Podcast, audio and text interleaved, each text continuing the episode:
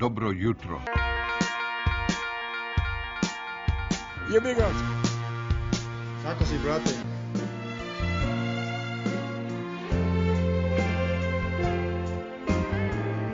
Bilo lepo.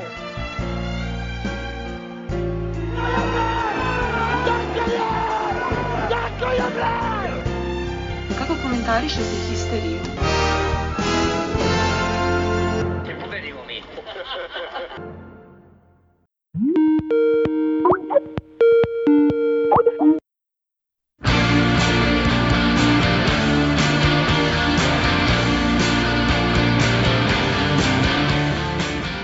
Zdravo grobari, dobrodošli u 22.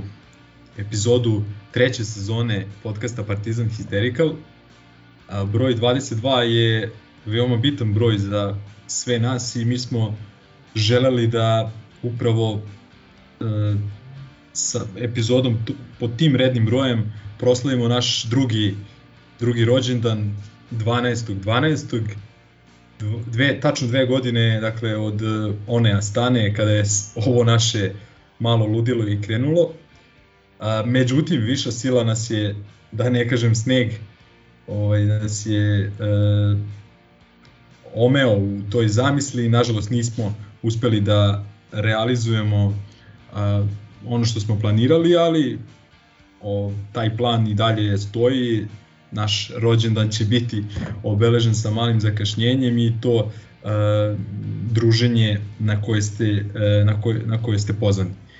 A, imamo zaista dosta tema, nagomilalo se uh, prilično utakmica što u futbalu, što u košarci, naravno preskočili smo dakle to planirano snimanje u nedelju, pa sa, uh, zatim i to naše neko redovno snimanje u ponedeljak, evo sada je četvrtak i boga mi imamo po, čini mi se, tri utakmice u oba sporta i jedan vrlo zanimljiv žreb što se futbala tiče, tako da zaista ima dosta materijala za priču i da ne bi dužio dalje, ide džingl pa krećemo sa futbolom.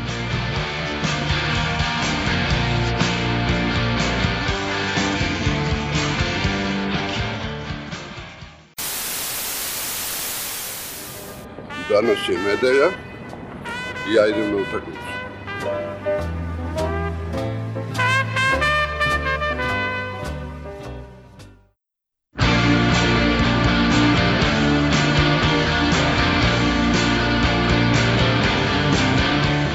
Ajmo, ajmo da krenemo sa futbolom. Dakle, uh, imali smo dve utakmice. Prvo, Anortozis, jedna od najstresnijih utakmica u moru stresnih utakmica koje smo uh, proživeli u prethodnih nekoliko sezona. Nekako se sve crtalo da ova utakmica bude baš onakva kakva na kraju jeste, jeste bila. Uh, počevši dakle od onog poraza u Estoniji potpuno nepotrebnog i neplaniranog o kome smo dosta već pričali, pa zatim i povrede Lazara Markovića, problema sa povredama drugih igrača, Dače Pantića, Natha sa zdravljem, da bi neki šlag na tortu predstavljao, po znacima navoda naravno, predstavljao i jedna misteriozna, misteriozna situacija sa Ricardom koja se desila ako se ne varam na treningu na, na dan utakmice. I mi smo praktično u odlučujuću utakmicu a, za prolazak dalje u Ligi konferencije ušli bez koliko, 3-4 zaista, zaista ključne igrača. Sve ono što smo gledali a, te večeri je nekako, kao što sam rekao, moglo je da se nasluti, jer jednostavno Partizan je takav klub, a, onaj gol anortozisa protiv Genta je takođe išao u prilog toj činjenici. Dakle, sve se crtalo da utakmica bude kakva je bila i po mom mišljenju se crtalo čak i da se završi sa nešto drugačijim ishodom koji nam nije bio po, ovaj, po želji i volji. Srećom se to nije desilo, ali ostaje utisak da je Partizan kažem, oslabljen Partizan, desetkovan Partizan je ipak ostavio zaista slab utisak i, i jednu, odigrao jednu bledu partiju u faktički do or die utakmici, utakmici koja, je, koja nije smela da se izgubi, ajde tako da kažem, a mislim da smo svi mi se nadali da će da bude i, i drugačije, drugačiji ishod čak i od ovog remija. Kako ste vi videli tu utakmicu, čime, da li Partizan uopšte sa bilo čim sa te utakmice može da bude zadovoljan, koje su stvari na koje bi trebalo obratiti pažnju i tako dalje. Evo mogu ja da krenem, s što bih ja brnuo stvari, pa bih krenuo od opštih utisaka ka ovim pojedinačnim ili konkretnijim, jer mislim da ne treba nikako dozvoliti da nam grozan utisak, ali zaista grozan utisak od prošlog četvrtka uh, pokvari opšti utisak koji mislim da mora da bude pozitivan kada je u pitanju ova Partizanova polusezona. Polusezona u znaku broja 7. Evo, ovaj, Partizan je umeđu vremenu sedmi put u istoriji prezimio u Evropi i posle 7 godina je okupio onaj nezvanični naslov jesenjeg prvaka, što je u simboličnom smislu to će svi ljudi koji vole Partizan znati vrlo dobro, e, jako važan, da kažem, kožna kapije ili prolazno vreme ka osvajanju, osvajanju šampionske titule, nadam se. Um, to, su, to je neki opšti utisak. Utakmica sa, sa Nartodisom, kažem, tužna, evo, sedam dana je prošlo, ja i dalje imam um, ono, anksiozni napad kad se setim onog poslednjeg šuta koji kao što se ti Lemi lepo primetio je ono delovao kao vrlo poznata partizanova priča i prosto svi ti elementi koji se pominjao od gola Lazarusa s pola terena protiv Genta do onakvog gola koji smo primili do detalja koji mene ono lično moram da kažem malo izbacio iz, iz, iz balansa. To je panično branjenje sa tri štopera i dva desna beka u poslednjih 6-7 minuta. Plus nota da ne kažem na koju utakmicu me to posjeća sve to je delovalo kao onako dobro znani uvod u još jednu tragediju, međutim na svu sreću koga nije došlo i mi smo posle jednog ipak slabog rezultata protiv smo plasiranog tima Kiparske lige zasluženo prošli dalje. Mislim da je prolaz potpuno, potpuno zaslužen, pre svega zbog, mislim, zbog onih nerealno teških kvalifikacija o kojima smo naširoko govorili i mislim da nakon Dunajske srede u čekom jula, Sočija u, u, u trećem, trećem kolu kluba koji je, mislim, trenutno treći u ruskom, ruskom prvenstvu i na kraju Santa Clare ovaj, nakon takvih kvalifikacija prosto zaslužili smo da, da nas malo i sreća pogleda ako je onaj promašaj ili odbitak u u 95. minutu sreća. Uh, opet da se vratim na taj opšti utisak, da vam je neko letos, eto, kad smo izvukli Soči, na primer, ponudio da imamo izgledu taj nezvanični naslov jesenjeg prvaka plus 5 u odnosu na Komšiluk i proleći u Evropi mislim čisto sumnjam da bi neko od navijača Partizana rekao da time ne bi bio zadovoljan pa, plus 5, nadam se, u, u ligi, bez poraza u ligi sa koliko, 56 za sad datih golova. Um, e sad, još jedan samo utisak vrlo brzo um, sa utakmice protiv Kiprana. Pitao si Milenko da li imamo nešto pozitivno da izvedimo. Mislim, jedina pozitivna stvar kao i na prethodnoj prvenstvenoj, prethodnoj kup utakmici je Super Smederevac koji je i ovoga puta pokazao da smo s pravom svi jako verovali u njega ili što bi neki slušalci rekli hajpovali ga. Eto, ispostavilo se da ta priča naša koja traje evo, skoro već godinu dana o tom malom, odnosno veliko malom iz, iz omladinske škole, da nije baš potpuno besmislena. Um, na stranu sad, mislim da je šira tema to da li je normalno da uh, u jednom klubu koji pretenduje da igra ozbiljno u Evropi takmičarski, prva zamena za najboljeg strelca koji je dao preko 20 gola bude jedan punoletni junior, ali kažem, to je odvojna tema. U svakom slučaju, za sada deluje da smo ga s pravom hvalili i samo neka nastavi, mali je, mali je sjajan, uh, jako, jako posjeća na tog poznatijeg zemljaka Mitra i to je, to je lep utisak. Drugi utisak koji nije pozitivan je ceo, ceo onaj negativizam i ne znam ni kako bih to nazvao, sve ono što je usledilo nakon utakmice. Um, mislim da um, uz uvažavanje svega što je Stanović uradio, o tome pričamo, ja mislim objektivno na ovom podcastu, sad, ne kažem do nekog različite mišljenja, ali mislim da se svi slažemo da radi sa ovim što ima jako dobar posao. Um, mislim da ipak nije okej okay da neko ko je platio 3.500-4000 evra, dinara, pardon, za kartu i kisnu od dva sata sluša, mislim, kako su eto navijači glavni krivici što, što je atmosfera na utakmici bila bila loša i delovala kao da, da spremamo da ispade. Mislim da to nije, da to nije okej, okay, ali ajde, ovaj, nadam se da je to bio da je to bio ovaj, afektiraj nastup pod pritiskom nakon realno ovaj, jako loše rezultata u Talinu i, i ovog pomalo šokantnog remija.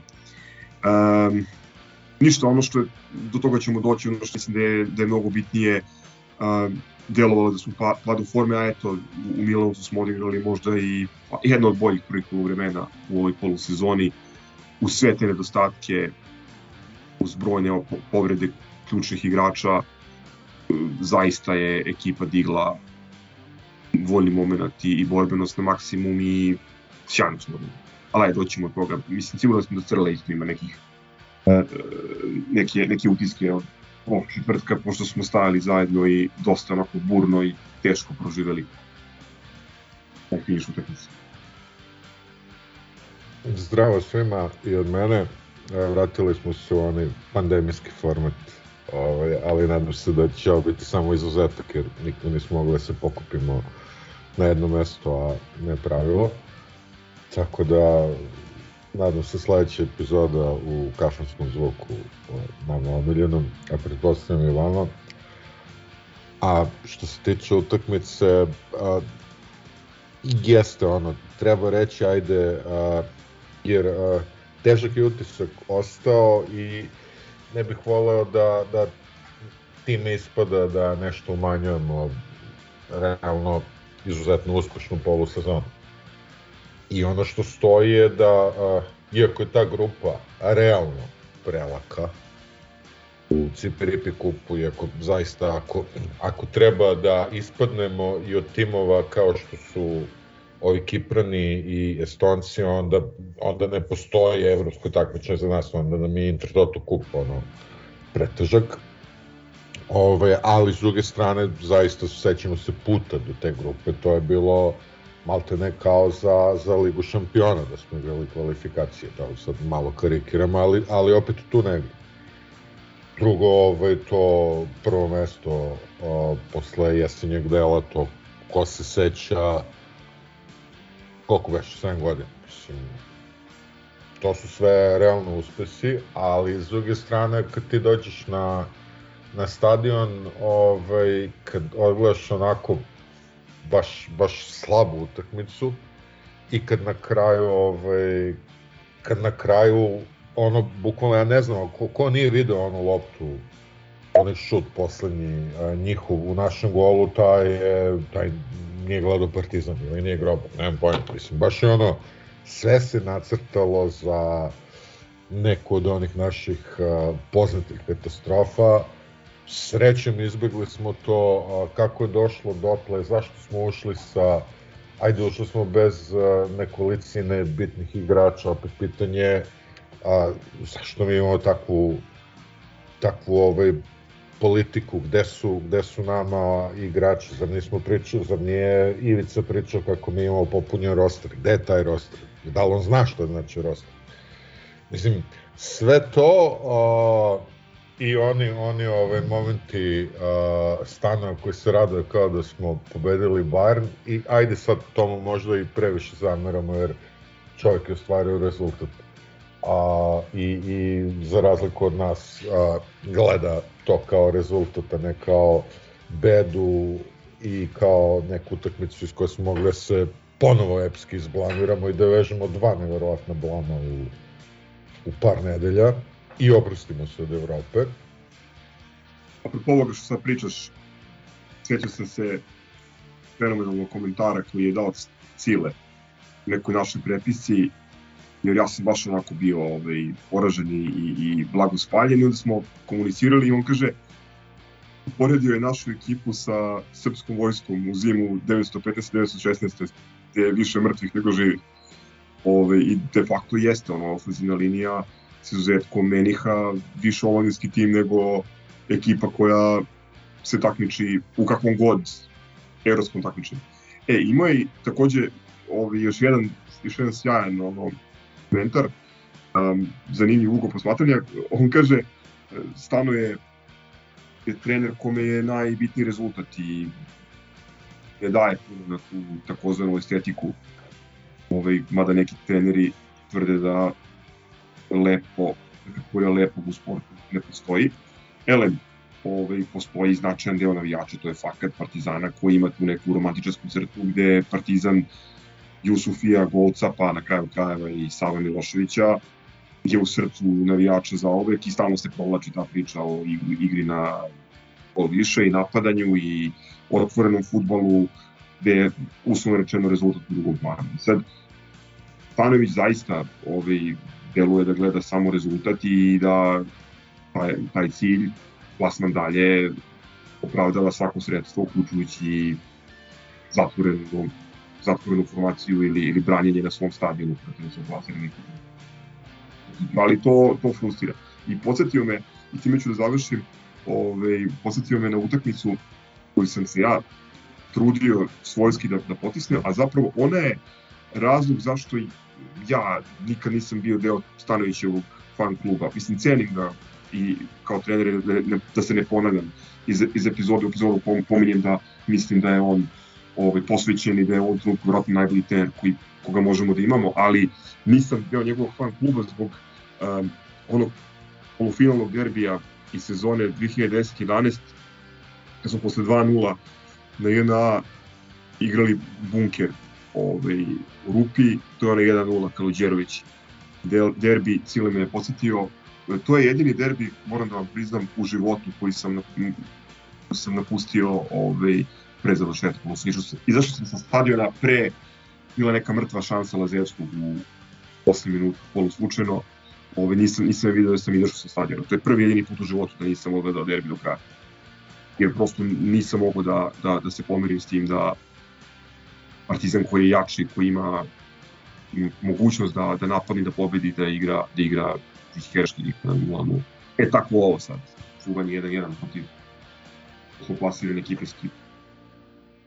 Da, ali, ali hoću kažem da, da to, to je sad sve naš lični utisak, mislim, nebitno. Na kraju krajeva, da je neko letos, kažem, pomenuo uh, proleće u Evropi plus 5 i, i ono, ligu bez poraza sa ovakvom gol razlikom, ma ne da bi obe ručke zgrabio i, i pevao ono dva dana, razumiješ? Tako da ne, ne bih voleo da bilo šta što se kaže ili da kao komentar da nekako baci senku na, na opštu utisak koji mora biti pozitivan. Mislim, na, na kraju krajeva, izvinjavam se, na, na, u prvoj sezoni kad smo rekapitulirali, godinu, na izmaku Savo Miloševiću smo dali uh, posle futbolskom klubu 9 od 10. A u tom trenutku, mislim, znamo svi dobro gde smo bili, ovaj, ne sve na mesto.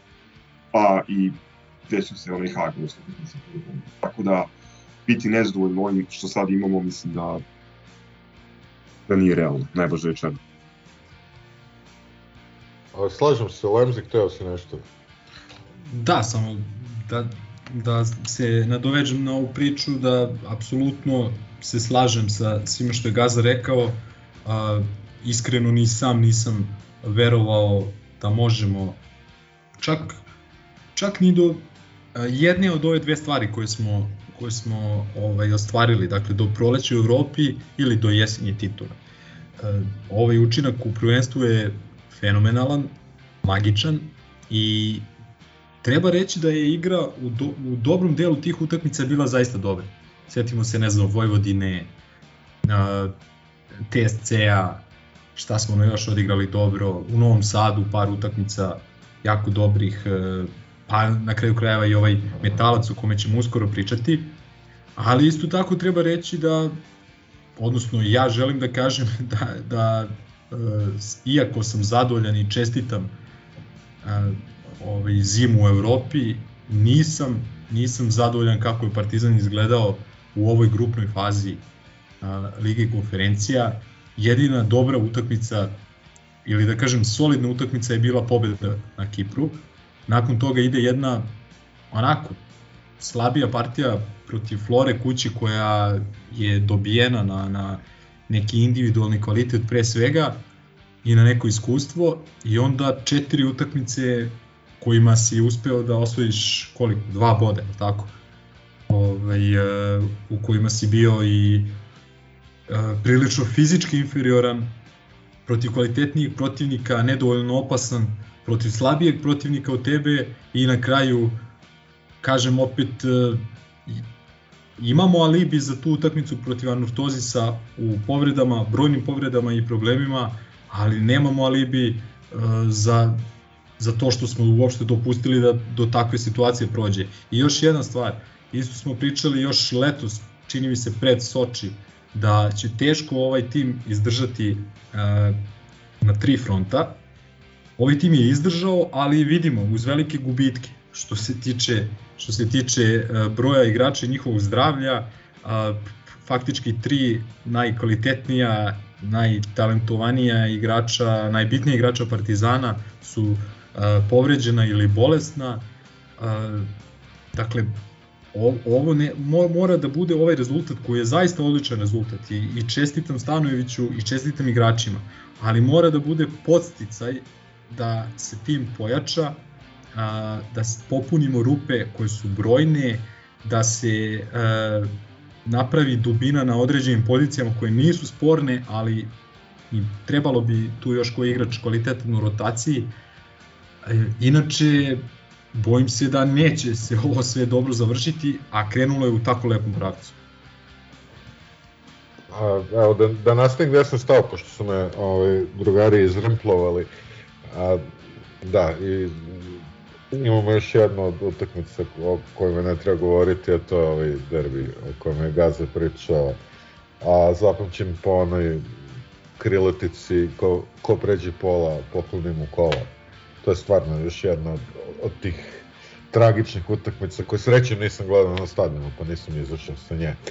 A, Elem, da se vratim na ovu utakmicu, jer a, hajde sad da, da ne pravimo te, te ono pretvreno alibi uvode, veliki uspeh, to da, naravno veliki uspeh da, da ovo je ovakav partizan sa ovakvim igračima i budžetom bude tu gde jeste trenutno. Ovo, ali, ali to, to nije mnogo pomoglo u, u prošlu četvrtak da ne izađemo sa stadiona kao popišani. Ovaj Gaza je i olomio svoj kišobran onako čisto da, da napravi sebi i materijalni gubitak. A srećem, evo, posle takve utakmice treba otići ovaj, u kafanu, pa smo popili po kafu i rakiju. Meni se to nekako, sve se razblažilo, nekako ipak uh, osjećaj kada izađe ko popišan, jer smo jedva prošli mnogo lakše od onog kad izađeš ko popišan smo izgubili. Ali mi onda ulje na vatru kad sam stigao kući dolila ova konferencija za štamp, za novinare. To je stvarno bilo dobro čoveče, stanuješ, šta pričaš. Ajde ono kao, ako nemaš šta pametno da kažeš, nemoj ništa pričati. Ono je tako, tako promašeno sve. Znači, da, čoveče, a, nemaš tim, jer ti ovaj magarac od Ilijeva nije doveo tim. A, što je njegova odgovornost, a imaš i deo svoje odgovornosti, si ti selektovao, znači izašao si bez tima i tebi je glavni problem što neki magarac a, razbio, razbio staklo na, na ovome sločanici. Mislim, kao da ne znaš, kao da da si prvi put na utakmici Partizana i da ne znaš da će na tu evropsku utakmicu doći baš ono jedan deo onog najgoreg, najgoreg uh, dela onih, uh, da kažeš, evro navijača kojima je ono sve osim plasmana u, u ono finalnu fazu Lige šampiona neuspeh. E, izvini, sad, ali vidiš, izvini, a vidiš ti koji je to paradoks da je on uh, iz protesta i, i revolta uh, zapravo najviše uh, uvredio upravo tih 500 ili 1000 ljudi koji dolaze na svaku utakmicu. Mislim, među kojima smo i ali nisam Da to Miloš- primio, ne, nisam to primio lično, baš me briga, razumeš. Ni, nisam to lično primio, nego me a, a, drugu stvar jesam lično primio, a to je uvreda inteligencije, to, to teže ovaj, podnosim.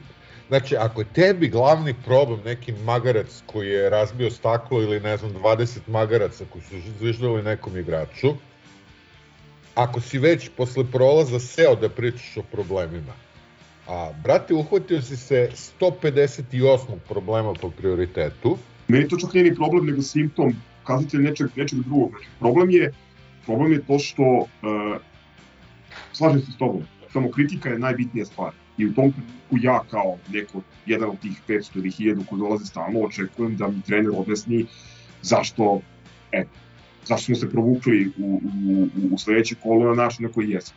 Ili da nam objasni šta se dešava, ili da kaže nemam zadovoljavajući igrača, ili ipak nemamo dubinu u timu, ili ne znam, pogrešno smo procenili protivnika ili procenili smo ga. Mislim, 150 stvari je mogu da kaže pre nego da ovaj, polemiše sa, sa, sa tribinom. Na kraju krajeva, ako ga interesuje šta tribina kaže i kako reaguje, neka, neka se zapita zbog čega je Saša Zdjelov doživeo one ovacije posle Santa Klare, kako je doživeo. Mislim, koje, koje ne pamtim jako dugo na našem stadionu. Šta je to Saša Zdjelov radio? Sigurno nije radio na ličnom marketingu, marketingu potplaćivo nekoga ili, ne znam, iš, išao po istoku i, i ovaj, kompao se sa, sa ljudima. To je, to je putokaz i za njega i za svakog drugog igrača. Mislim da Partizanovi navijači ono, može da im se zameri milion stvari, ali ne može da im se, ne može se kaže da Partizanovi navijači pod A ne razumeju futbol i pod 2 ne znaju, ili pod 1, pod 0, da ne znaju da prepoznaju borbenost, požrtvovanost i da neće da nagrade. To nikada nije bilo. A ne, vidi, uopšte e, sad pričati nešto o, o, o toj malenoj grupi ljudi koja dolazi na utakmice, čak pričati a znaju ili ne znaju, mislim, nema, nema nikakvog uticaja, jer ovo, jeste, a, premalo nas je, ali znači, da, jedna od njegovih zamerki je a, vidi koliko nas je malo, a ne pita se zašto je karta koštala, ja mislim, a, karta je bila za zapad 3.500, ja sam pokušavao da se setim, mislim da je u Manchesteru a, karta na, za Old Trafford bila 35 funti, ono pre dve godine. Znam, znam, Ljudi, saberite. znam Nemanja, ali to opet nije, to opet nije komentar za nas koji smo bili tamo. I nije Pa, komentar za, naravno. za konferenciju štampu posle utakmice. Mislim, o tome se radi. Naravno, ali ako hoćeš već da pričaš ne o igri pokazanoj utakmici, nego hoćeš da komentarišeš a, stvari nevezane za njih, onda imaš mnogo više tema. Zašto nema ljudi, pogledaj care pošto su karte, a zašto, a, zašto smo ušli osakoćeni, pogledaj care šta ti radi uprava, i moram ponovo da, da spomenem onaj moj, verujem da sam već davio time, a to je meni je slika a, stanja u klubu, klozet na, ovaj, na zapadu, jeli, gde idemo mi, ovaj, gledalci sa skupljim ulaznicama, a ajde, ono, kao nemaš neki zaključak kad dođeš u, u klozet ima rupu i to je dovoljno, jeli? I to je nedostavljeni san, recimo, za Kragovac. Ali, ovaj, oni vodu kotlički tamo, ja mislim da mi, stadion nije ja trošio ovaj više vode nego grad Aranđelovac. A ako je toliki problem zameniti jebeni plovak, Uko si. jel se ne čujem, a? Da Ja se te čuje. čujem, ja te čujem sve vreme. Izgubio si se na trenutku. Dobro jer lem se snima. Kažem, ako je toliki problem zameniti plovak, ovaj, siguran sam da da nije baš problem ni financija, pošto plovak, ne znam, košta 50 dinara. Problem je što ljude koji a, vode ovaj klub apsolutno zabole kurac. I to je ono što je, što je meni težak utisak i mnogo, mnogo teže od i od te, da kažeš, neubedljive utakmice i od te stanojeve ajde da kažeš, prilično uvredljive po inteligenciju, konferencije za štampu i svega ostalog. I da ne bih sad ovaj, dalje, dalje pričao o tome, ali baš sam morao, morao se osvrnem na, na to i završio bih ipak onim najpozitivnijim utiskom, a to je a, Super Smederevac u velikom stilu, bukvalno prva kup utakmica, debitanski gol, prva prvenstvena utakmica, debitanski gol i a, prva evropska utakmica i debitanski gol. Ja ne znam to, evo domaći za zgro da, da pogleda da li se to ikada desilo u, u našoj bogatoj istoriji. Ovo je prva utakmica, samo da te dopunim, prva evropska utakmica na kojoj je startao. I, inače je igrao već u Evropi. Mislim, je... Dobro neslična utakmica u Italiji. Lem je hteo da kaže nešto. A jeste, u- upravo si, 10 da. minuta, ali smo ga ove, izgurali. Ma da, sad ne znam da li da se vraćam na tu temu, ali se apsolutno slažem da generator loše a, atmosfere oko kluba nisu 20 ili 50 navijača koji zvižde, koji su uvek tu. Ja ne znam da li sam i jednom otišao na, taj stadion, a, a da se nije našao neki pametnjaković da ovaj sere po, po igračima Partizana. Dakle, a, problem je što si ti lošim vođenjem kluba, skupim ulaznicama, nepismenim marketingom i društvenim mrežama e, i, i čime sve ne doveo do toga da ti da ključnu utakmicu za odlazak dalje u Europi igraš pred par hiljada ljudi, da se više čuju maltene Kiprani ovaj, e, i, i, i samim tim, samim tim onda i tih 50-100 ljudi koji su nezadovoljni ko zna čime sve u životu a ovaj vide kako je kako se vodi klub i šta se tu sve radi i onda je sa, samim tim i logično da ovaj da se da su oni glasniji odnosno da se čuju kad već nema ko ovaj e, i mene isk- iskreno isto to iznerviralo mislim da mislim da ovaj e, nije nije baš ta konferencija bila bila pravi pravi potez a Dakle, ok, možda jest, možda jeste, imamo čak i par drugara koji dele mišljenje Stanojevića i to je sasvim ok.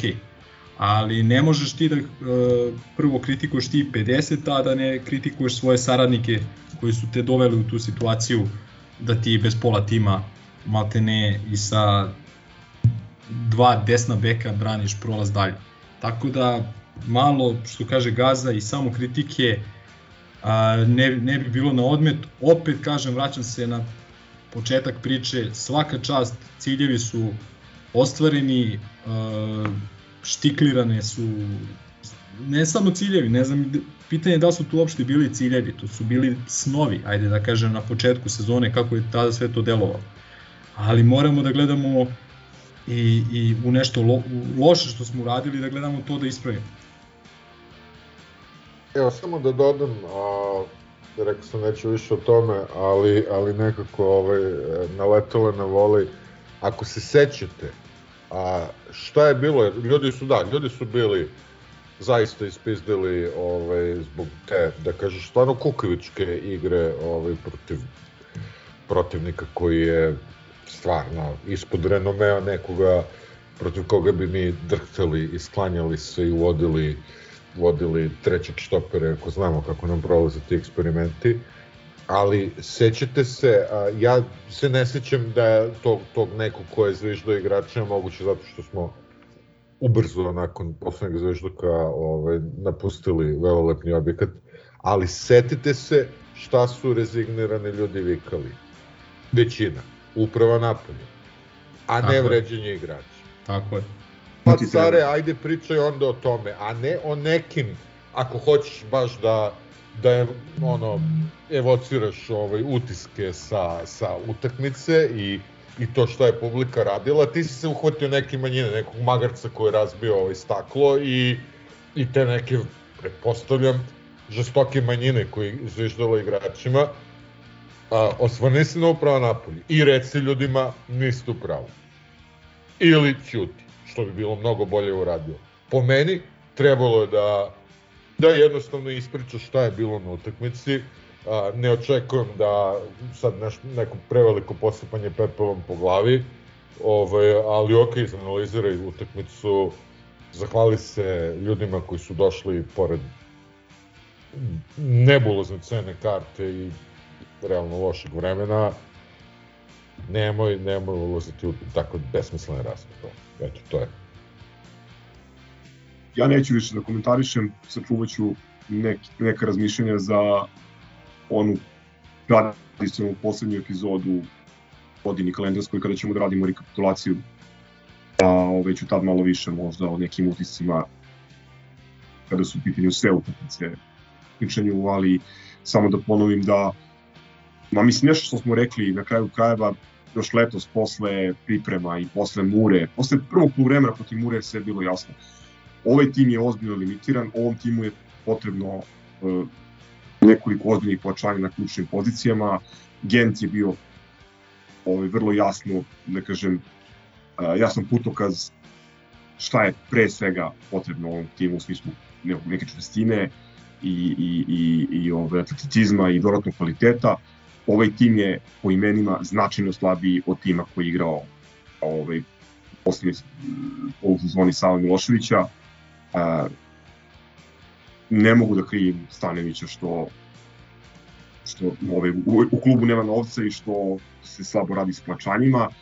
On svoj posao radi maksimalno, svoj deo posla, celi su u novinu, ali prosto mislim da nije na mestu sada bežati od, od odgovornosti i, i, i prebacivati sve na neko kako je platio 3,5 ili 5.000 dinara i kismo dva sata i ono, zamerati ljudima što su očekivali da za taj novac i po takvom vremenu vide malo ovaj, ofanzivniji ili hrabri partizan.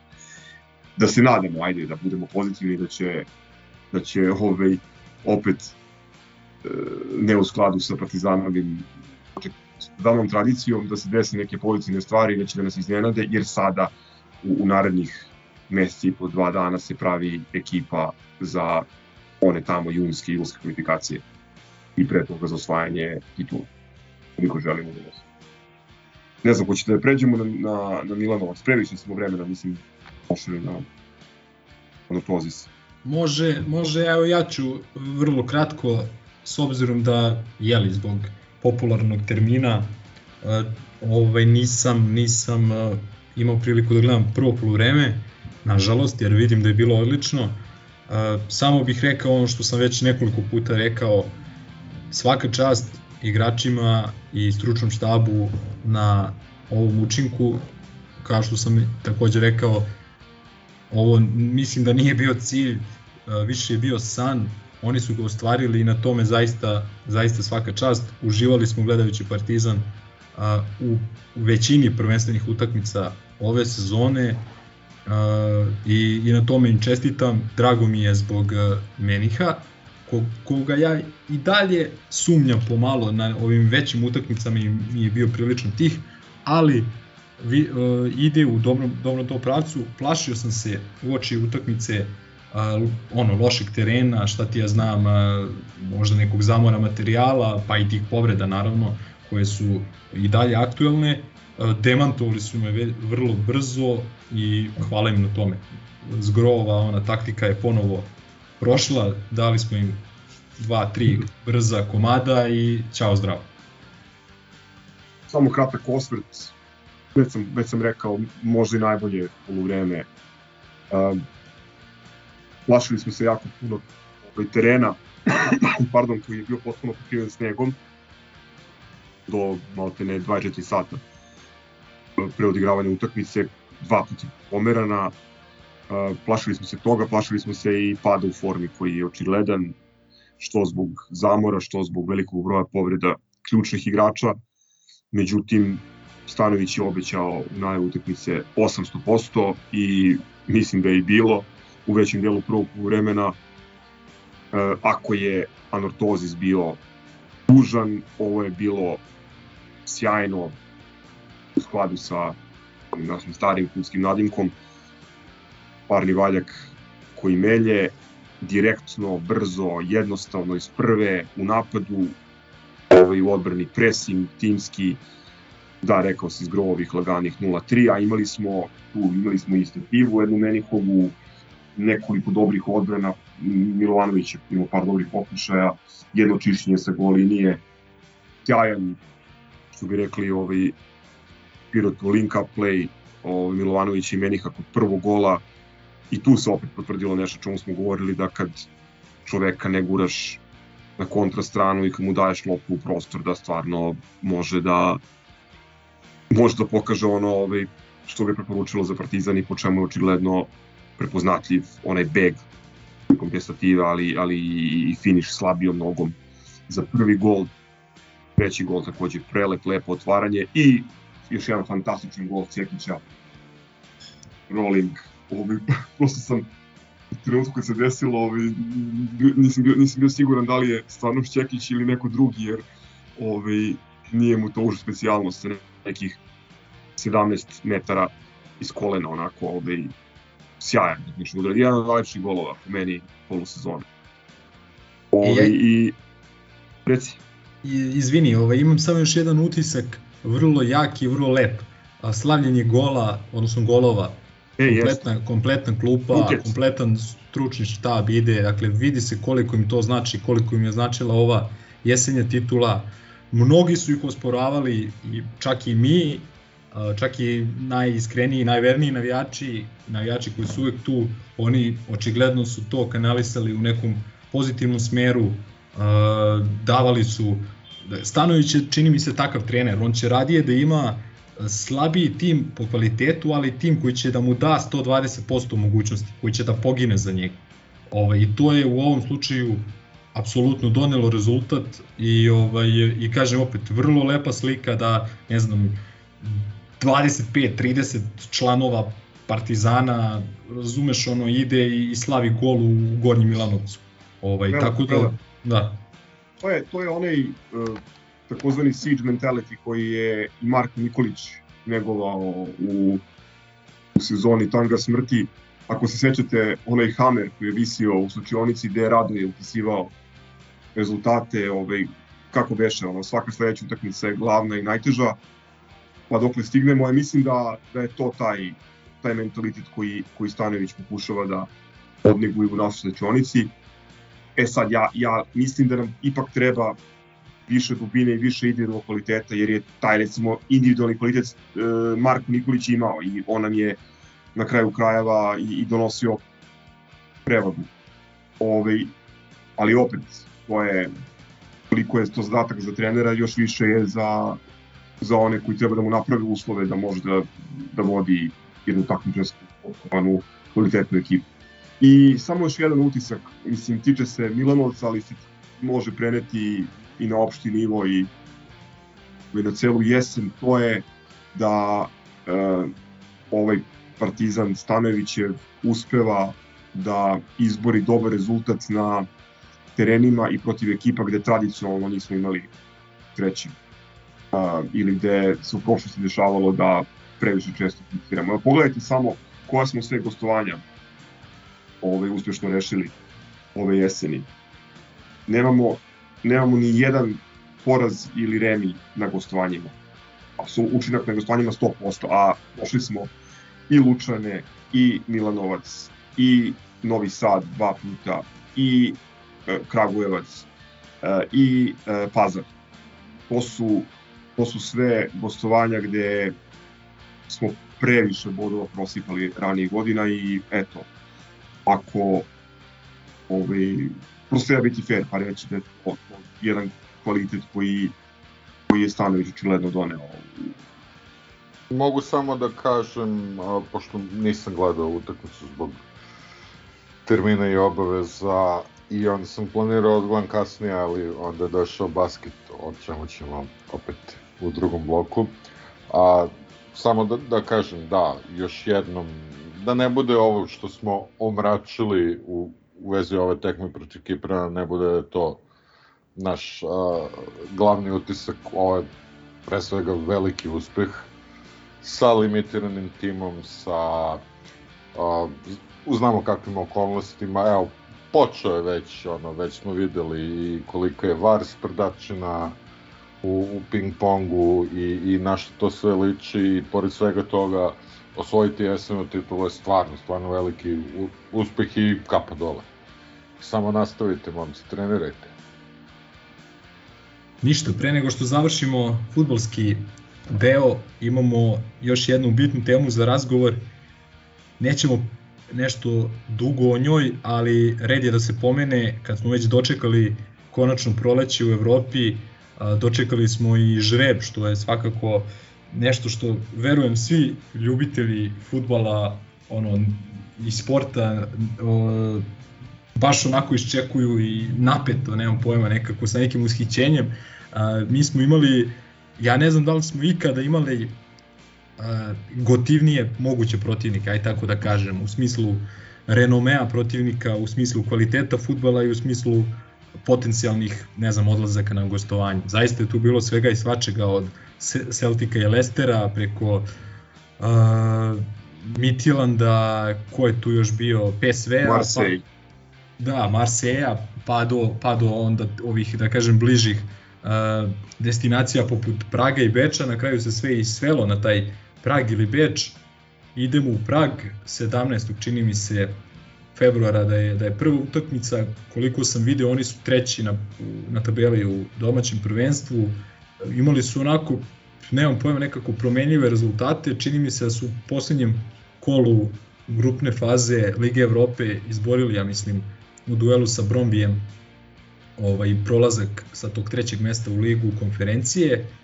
Nekako promenljivi rezultati, kad sam ih onako video, nije to baš nešto čega bismo se trebali bojati, ali opet se vraćamo na onu staru priču, ako rasprodamo ovo kvalitetno što imamo ili ako ne dojedemo kvalitetne zamene ili dopune, onda se takođe nemamo ni nečemu previše nadati. Pa da, to je to. S jedne strane, jeste ovo realno neuporedivo povoljni žeb od PSV-a, Marseja ili, ili Lestera, mislim da bi a, stvari bili, bile jasne. Ove, odnosno, ne, malo čemu bi imali da se nadamo, ali treba da budemo realni gde smo i ko smo i pre svega ko nas vodi i kažem od nekih ozbiljnijih procena ću da se zadržim do, do završetka prelaznog roka, odnosno te druge, treće nedelje februara kada ćemo, kada ćemo vidjeti kom sastavu zapravo idemo, idemo u Prag. E sad, ovaj, nekoliko, nekoliko opštih utisaka, pošto sam i gledao u domeču protiv Rangersa i gledao sam highlightsa protiv Danaca. Um, mislim da je to Jel imaš, jel, jel, jel imaš devojku ti? Imam ženu. Ali ove, nekad pogledam neku utakmicu. E, hoću da kažem da mislim da može s njima da se igra. Da se igra futbol.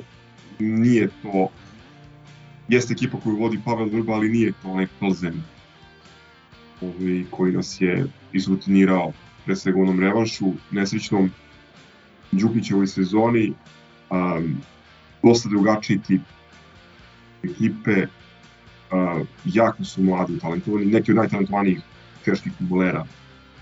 Tamo igraju onako direktno i čvrsto u sredini, to nije nešto što nama, što nam odgovara, ali ne mogu da kažem da je sad tu neki vanserijski individualni kvalitet posebno kad se eto zna da su mogli da izvučemo PSV, Marse ili, ili Leicester. Ništa, slušamo ovaj, The Fall i pesmu posvećenu The Team from Sparta FC. A, da, iako pa... to nije ta Sparta, ali, ali da, ovaj, to je, čekamo da vidimo kako će završiti prolazni rok, pa da se radamo da, da možemo dalje. Pa ne bih se bavio ovaj futbolskom stranom, jer uh, Spartu stvarno odlično ne poznajem, ali uh, istako bih da to je to jedna solidna prilika za uh, gostovanje, naravno sve zavisi od ovog ludila i i raznih grčkih slova i varijanti i koliko od nas pretekne uopšte do tad. Ali ovaj, delo je kao nešto do čega se može dobaciti čak kolima, a, da se izbegne super spreader event avionski i ovaj, sad sve zavisi, može da bude i sve zavejeno i led. Vidjet ćemo, ali eto, eto, prilike za jedno dobro gostovanje, pa šta nam Bog da. U vezi toga samo dve brze stvari. Uh, jeste uh, zgodan, zgodna lokacija, može da se dobaci kolima, tim što je za nas bitno da se utakmica igra tamo 17, znači to je tačno posle državnog praznika sretnje, su dva neredna dana, tako da će ljudima vjerojatno biti lakše da se organizuju oko logistike. E, ali preduslov za sve je da Česi omoguće uh, prodaju karata, pošto trenutno, koliko sam uspio da se informišem, postoji ograničenje samo do 900 ili 1000 ljudi na stadionima. Tako da je veliko pitanje, mislim šta će biti sledeće nedelje, a ne šta će biti 17. 17. februara. E, inače, po ovim aktualnim preporukama tamošnjim, e, samo potpuno vakcinisani mogu da uđu u Češku republiku. Pa eto ljudi još jedan od dobrih o, motiva da se vakcinišete ako već niste, a mi vas pozivamo, pa mislim prilično redovno, ali eto, vakcinišete se ljudi. A, ništa, pre nego što pređemo na košarkaški deo ove emisije, a, imamo uključenje našeg starog dobrog kapetana Ercegovića, ovaj put sa Mediterana, tako da ovaj, čini mi se da je srećan i da je radostan zbog ove jesenje titule i dobrog starta košarkaša u novoj sezoni, pa, pa, ovaj, pa vas puštamo da, da preslušate njegove utiske. Pozdrav za braću Grobare, ovaj put nisu južno-korejska mora, kako je Gaza rekao, nego sa tu blizu Mediteran. Prvo da ovaj, čestitam jesenju titulu, to je bitno. Počet ću prvo od košarke, sinoć utakmica protiv Poljaka. Što kaže Milenko, 26 godina, a liči na džeda od 80. Tako je, posle utakmice čovjek osjeća. Ali dobro, pobjeda se piše, ovaj, nije Željko i, i, i Savić Vazura, tako da oni znaju što rade, ovaj, tako da e, ne treba da sumnjamo da će to biti dobro. Pojačanja će doći, povrede će proći i tako dalje, tako dalje.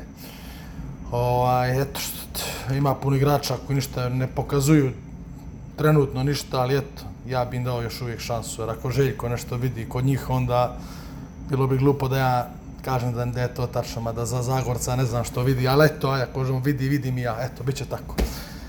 Ovaj, drugo ništa, o Eurocup, da se gura što dalje, tamo ona grupa, druga grupa je puno jača od naše i četiri ekipe su ozbiljne tamo, ajde ne računamo budućnost, tri ozbiljne ekipe su tamo i puno jača nego naša grupa, ali dobro, vidjet ćemo sljedeće, sljedeće kolo gostujemo Lokomotivi, kad bi tu nekako dobili, nadam se će bude Panter spreman i, i da će igrači biti zdravi i da ćemo ovaj, tamo uzeti bodove, što se kaže. I tako, domaće prvenstvo šteta za poraz od Olimpije, baš šteta. Ja i Milenko se ne slažemo, ja tvrdim da Olimpija dobra ekipa, Milenko kaže da su indijanci, ali ja i dalje tvrdim da su oni dobra ekipa da nisu nabio slučajno, ali dobro, vidjet ćemo, ima tu još da se igra, imamo i kući ove FMP 1 i tako, ima dosta još da se igra tu. E, sad ono što je ovaj, jeli, futbal, jesenja titula posle 7 godina, treba da slavimo, e, da se ja pitam, moj brod bi doveo u Dunav mamicu i njihovu, treba da slavimo mjesec dana jesenju titulu, dok ne počne proljećni dio. Ovaj, tako, dobro, ekipa, ovo pred kraj se muči, ali eto, stano još jedan put pokazao da je to najbolje nešto što se nama desilo od, ja ne znam od koga, od, od, od Mateusa, ja ne znam, hajde Nikolić, ali ja ne znam ovaj, da, da je neki naš trener ovoliko pravio rezultate sa ovakvom ekipom, a, ovaj, juče je sastav protiv Metalca, ili to danas po već, po, ne znam, juče je, po ono već je 16. ovaj, ekipa metal, protiv Metalca, sastav prvih 11 Partizana, ne znam, ono, ne, za srpsku ligu, ali dobro, eto, momci se bore, što će, eto, što je tu je, fali sedam igrača, fali, ne znam, ovaj mali Milovanović, napadač, odličan, Mening nešto tu i tamo pokaže i tako, bitno, bodovi su bitni, nadam se da će gospode iz uprave malo da skrate njihove dnevne potrebe i da će ne dovoditi igrača da plate, malo igrača da plate, ljude da očiste teren, da nasrede teren, bolje teren u, u Gornji Milanovac nego u Beograd, ja ne znam, ovaj, eto, nego što je tu je. Ja vas sve pozdravljam, ovaj, e, nadam se da se umaju kad dođem kući, ovaj, da ćemo slavimo titule, jednu i drugu se nadam, ja u futbal baš vjerujem. Ne znam zašto možda salut kažu, to je sad ovako vas puštaju, ne znam ko nas pušta plus 5, ako TSC uzme bod to je plus 7, pa onda neka pušta ko što će na plus 7 ćemo mi lako nadigramo i, ili pršavo i napadački kako god hoće istočna tribina stadiona Partizana koja da dođe Messi rekli bi nema skok nije za Partizan dajte drugog. Tako to je što je. Su nas puno vas pozdravljam Milenko šalji mi molim te ovaj tvoje komentare kad pogledaš basket jer ovaj tu i tamo ne, sino sam gledao futbal i košarku ali prije toga nisam 15 dana nisam ništa gledao tako da ono, pogledam snimke i to, ali nedostaje mi live. Tako, pošalji mi tvoje utiske, ovaj, znače mi, znače mi. Pozdravljam vas sve, vidimo se početkom maja da slavimo titule. Pozdrav! Imaš devojku ti? Spreman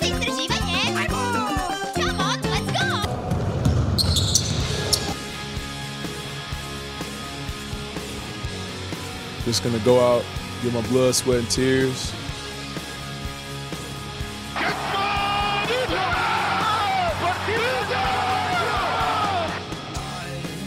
Perché tifi Partizan Belgrado?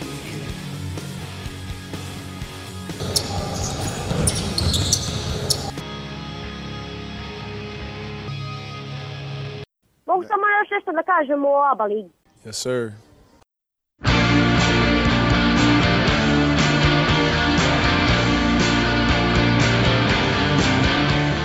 Evo da ja otvorim ovaj uh, basket blok. Uh, idemo pretpostavljamo utakmicu po utakmicu, pa ću reći svoje laičke utiske sa ovog uh, uh, utakmice protiv Parižana.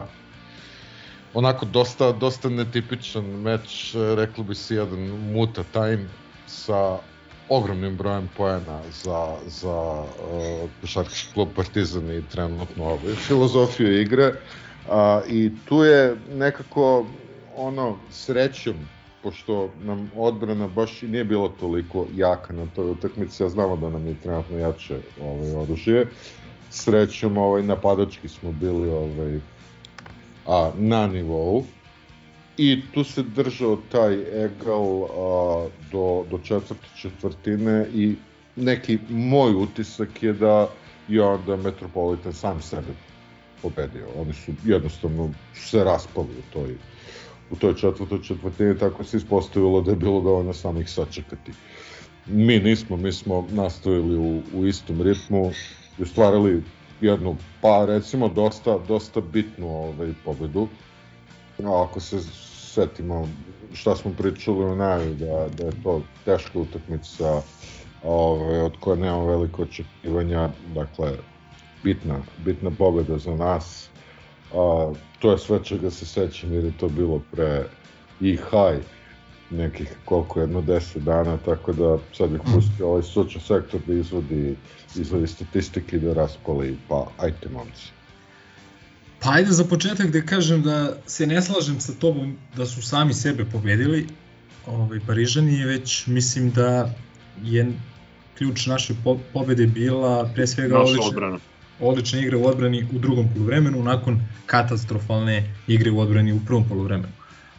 U prvom poluvremenu velike probleme su nam zadavali pre svega Kit Hornsby koji je postigao čini mi se 20 poena za poluvreme, a u drugom poluvremenu samo 2 poena, pa onda i Will Cummings i, i ovaj, Mišino koji su nas onako prilično lako probijali gore na perimetru prvu liniju odbrane i prosto otvarali pozicije, otvorene pozicije svojim saigračima ili su oni rešavali veliki broj napada polaganjem prosto na, na tabli i na obruču. Međutim, stabilizovali smo se prilično u drugom poluvremenu, dakle mi smo u prvom poluvremenu primili 53 poena, a u drugom poluvremenu 20, 29 poena. Od toga su ona dva poena bila faktički sa istekom vremena, ajde da kažemo onom uh, po znacima navoda garbage time-u. Odlična napadačka igra, možda uz Hamburg na strani, koji opet je, ajde da kažem, i klasa ispod ovog Metropolitana, ali možda u taj Hamburg i uz onaj Turk Telekom naša najbolja predstava uh, ove sezone, pre svega u napadu. briljirao je Kevin Panter, dakle zapušio je usta mnogima i pokazao zašto e, zašto ga svi smatramo tako kvalitetnim igračem, 28 poena, a, postizao je koševe na sve moguće načine, izborio je ogroman broj faulova, nisu zaista imali rešenja za njega, 13 bacanja je šutnuo čak u toj utakmici, zaista nisu imali nikakav način a, da ga zaustave, standardno dobri Zek Ledeji, Alen, Alen Smajlegić, solidna partija Avramovića, ali ja bih voleo da istaknem a, ovaj, a, partije Balše Koprivice, odnosno ajde kažem epizode Balše Koprivice i Java Madara. U četvrtoj četvrtini mi smo sa njima dvojicom u petorci faktički prelomili utakmicu, igrali veći deo te četvrtine a, u tom, da kažem, podmlađenom sastavu, zaista su imali mnogo dobrih poteza, što Madar, setimo se onaj, ona finta šuta, pa pogodak duga dvojka iz ugla, a, pa šta je ono još imao, ukradena lopta, imao je veliki broj asistencija, ovaj, Balša je takođe imao, ne znam, osam skokova, imao nekoliko blokada, pokupio je sve lopte, dakle, tu je, nam je bio, takođe bio jedan od a, ovaj, problema toku utakmice, taj njihov ofenzivni skok, Balša je to iskontrolisao u poslednjoj dionici i zaista je predstavljao veliki faktor u vrlo, vrlo bitnoj pobedi Partizana u Francuskoj, gde će ovi naši konkurenti za najviši plasman, neki od njih će sasvim sam siguran ostaviti bodove.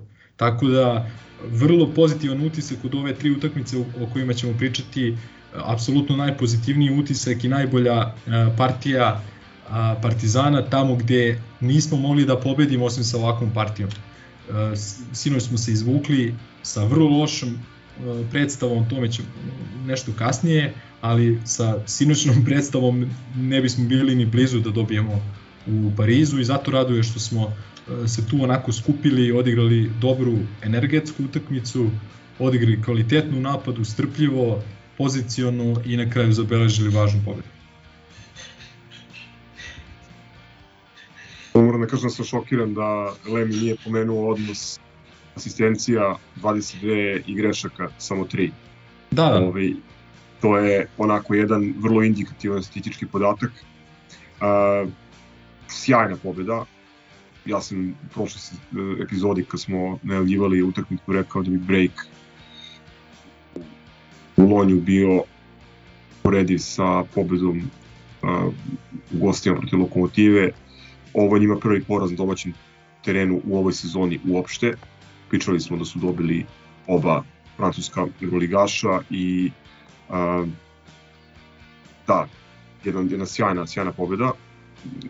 Mada delovalo je da se igra u hali sportova i to je jedan isto vrlo, vrlo dominantan utisak. I ovaj, baš sam komentarisao jedina verovatno dobra strana, pozitivna strana masovne bežanije iz Srbije, to što na svakom terenu u zapadnoj Evropi Partizan ima ovu atmosferu domaćeg terena. Uh, dakle, Milenko je pomenuo ove neke ove najbitnije zaista stvari, to je mnogo bolji napadački učinak posle pa, jedne kraće serije uh, utakmica gde smo bili u krizi. Ovaj drugom poluvremenu odbrambeno sjajno, protivnik svede nismo 30 poena. Uh, čak pet igrača Partizana sa indeksom koji su stigli od 15 i jedna utakmica gde je delovalo da svi u rotaciji imaju određenu ulogu, pozitivnu ulogu, čak i, i ovaj, Dan Gubić, ali ajde doći ćemo do toga, šalim se. E, centralna figura svakako Panter, naravno, koji je izoveravao koš i NM, odnosno NČ iz danasa. I te večeri prosto da ono sreća bude kompletna i utisak potpuno, potpuno izuzetan. Dobri član je rešio Juventud. Lemi i ja smo paralelno pratili dešavanje na drugim e, parketima. Moglo je i čak i bolje od toga da je Ludi Trento izdržao Krasnodaru, međutim ovaj, pobegli su im sa lopate, ali da ne budemo previše alavi, evo već u sledećem kolu videli smo Hamburg je rešio lagano 18 razlike i potvrdio još jednu stvar o kojoj smo govorili da, da bez obzira na možda mali broj igrača koji imaju neki renome, ipak vodi ih jedan talentovani trener i na, makar na svom terenu ta njihova ultra ofenzivna i brza košarka će mislim neko će u njene stradati evo to je upravo Kuban koji ovaj, smo vidjeli u krugu, u najžem krugu favorita za osvajanje, za osvajanje ligi. E, da, Balša možda X faktor sa, sa ona tri skoka u napadu, ali svi su odigrali izuzetno, kažem, pet igrača sa valorizacijom preko 15, svi zaslužuju čestitke, naravno pre svega slučni štab koji je sjajno pripremio utakmicu. Treba reći da im je nedostajalo Da. čini mi se dva igrača, uh, tako da se taj os, njihov umor osetio u osmoj četvrtini, ali ljudi uh, Paris, Levallois, Metropolitan, Boulogne, kako se već zovu, jedna stvarno jaka ekipa i mislim, pogledajte šta rade u, u, u domaćem prvenstvu, ozbiljan skalp. Da, oni su, to smo pomenuli prošli put, ti si pomenuo pobede protiv Mon Monaka i Asvela, ali treba još jednom pomenuti da smo mi dobili na strani, na strani uh, prvoplasiranu ekipu u Francuskoj posle 10 kola. To nije mala stvar, nije Francuska liga ne znam koliko kvalitetna, ali je kvalitetna i treba to poštovati, nisu igrali uh, Jordan McRae i još neko im je falio, ne mogu da se setim ko. Onaj, ali, bon, bon, da, bon, Ginat, Ginat, ne ne, Ginat, a Bongu Kolo maltene i nije neki nedostatak za njih što on igra. Ali se recimo vratio Banja Si, ovaj neposredno pred utakmicu e, tako je, to mu je prva, Partizanom. to mu je prva utakmica. Ovaj, da, interesantno je ovaj, da je ih, ono, posle ne znam koliko vremena Halilović protiv Partizana odigrao slabo. Da, nije, nije pogodio iz igre ništa. Samo bih malo ispravio to što si rekao. Ja mislim da stručni štab Partizana nije najbolje pripremio utakmicu, ali je napravio dobre prilagođavanja i adaptaciju na ono što je igrao Metropolitani na poluvremenu i zato smo videli onako drugo poluvreme kako smo videli, što je takođe velika pohvala i veliki dokaz kvaliteta ljudi, pre svega naravno Željka, a zatim i, i njegovih saradnika, dakle ta neka prilagodljivost i ovaj, adaptibilnost je vrlo bitna košarci gde se sve, da kažem, ovaj, dešava tako brzo. Uh, hoćemo polako Mislim, da pređemo. Znaš u kom, znaš u kom smislu sam mislio da je dobro pripremljeno? Tako što su igrači koje smo identifikovali kao najveći pretnje, pre svega Ludi Cummings i, i Hunter, su na neki način iskontrolisani. Uh, ok, jeste, bi iskočio, imao je sjajno što je sloveče, ali hoću kažem da je uh, ono, videla se neka logika u, u načinu pripreme utakmice, mislim, bar po mojom mišljenju. Ne, ne, apsolutno, apsolutno, apsolutno. Evo mi još tri ovako brief utiska sa te utakmice. Prvi, što je Gaza već spomenuo, izuzetno pozitivan, a to je dakle po, posle laktaša ona onakva atmosfera u, u, u sred Pariza. Svaka čast ljudi, ona je stvarno, stvarno bila još jedna, još jedna domaćinska utakmica u gostima. A drugi utisak, nešto što je meni neverovatno išlo na nerve i čime sam vas davio u, za vreme trajanja utakmice, onaj njihov DJ speaker. Ja, ja ne znam zašto to, nisam čak ni znao da, da je dozvoljeno ti tokom cele ovaj, utakmice dok traje napadi, ovaj, puštaš one debilne ono a, karaoke teme sa, sa tečajom 65. rođendana, mislim, ono je baš, baš onako jezivo a, iritantno, a, nemam pojma, nisam znao da može, kažem, a ja sam nažalost to gledao sa, sa laptopa, pošto ovaj, jeli, taj sport klub imam samo, samo na taj način, pa mi je još ono bilo onako, a, baš mi u glavu gruvalo, onako, neverovatno, stvarno, a, sve sam uspominjao, pozdravio ga i ovaj, i a, bila je i treća stvar, ali sad da me ubiš, ne sećam se. Tako da ostaćemo, ostaćemo na, na ova dva utiska. mislim da je tebi tu više ovaj, smetao muzički izbor nego što je... Ne, ne, mislim generalno ovaj, taj ono, de fans, mislim taj, taj neki uh, pokušaj upliva NBA-a u, u, ovaj, u, u evropsku košarku na najpogrešniji mogući način. Ne znam, stvarno ono kao, vidim da je meni to ubedljivo najviše smetalo. Da, muzički izbor isto bio sjajan, kažem ti, teče na, teče na karaoke party. Mo, možda, je, možda je to bio njihov pokušaj da poremete navijanja ne, jeste, on, grobara, on, ime, grobara on, Pariz i Cirih. On je to toliko pojačao da, da je u nekim momentima uspešao, uspevao da nadglasa grobare, ali je to potpuno nebuložno. Mislim, ne znam stvarno zašto. Zašto, kome, čemu, ali ajde. E, ajde onda da prelazimo na tu nesrećnu utakmicu sa nesrećnom Cedevita Olimpijom. Nekako uh, mi uvek sa njima igramo posle velike neke uh, utakmice u Evropi gde je bila ogromna potrošnja i koju smo po pravilu dobijali i onda, tako da kažemo, sokoljeni, ali i umorni i potrošeni uh, dolazimo na utakmicu sa njima i odmah upisujemo im, ne znam, 15 trojki, najbolju utakmicu sezone i šta sve ne. Ako se sećate, pre par sezona smo nakon one, onog Turk Telekoma u Pioniru na Nikoldan, kada smo prošli dalje, ovaj, kada je Trinkjeri tek preuzeo ekipu, posle te velike pobjede smo ih dočekali par dana nakon toga, dakle u punom pioniru i uspeli smo da izgubimo tu utakmicu gde nismo mogli da pogodimo ništa a, pa je onda par dana nakon one veličanstvene pobede i partije protiv Virtusa a, trebala nam je ona magija Ogija Jaramaza i trojka sa zvukom sirene u tablu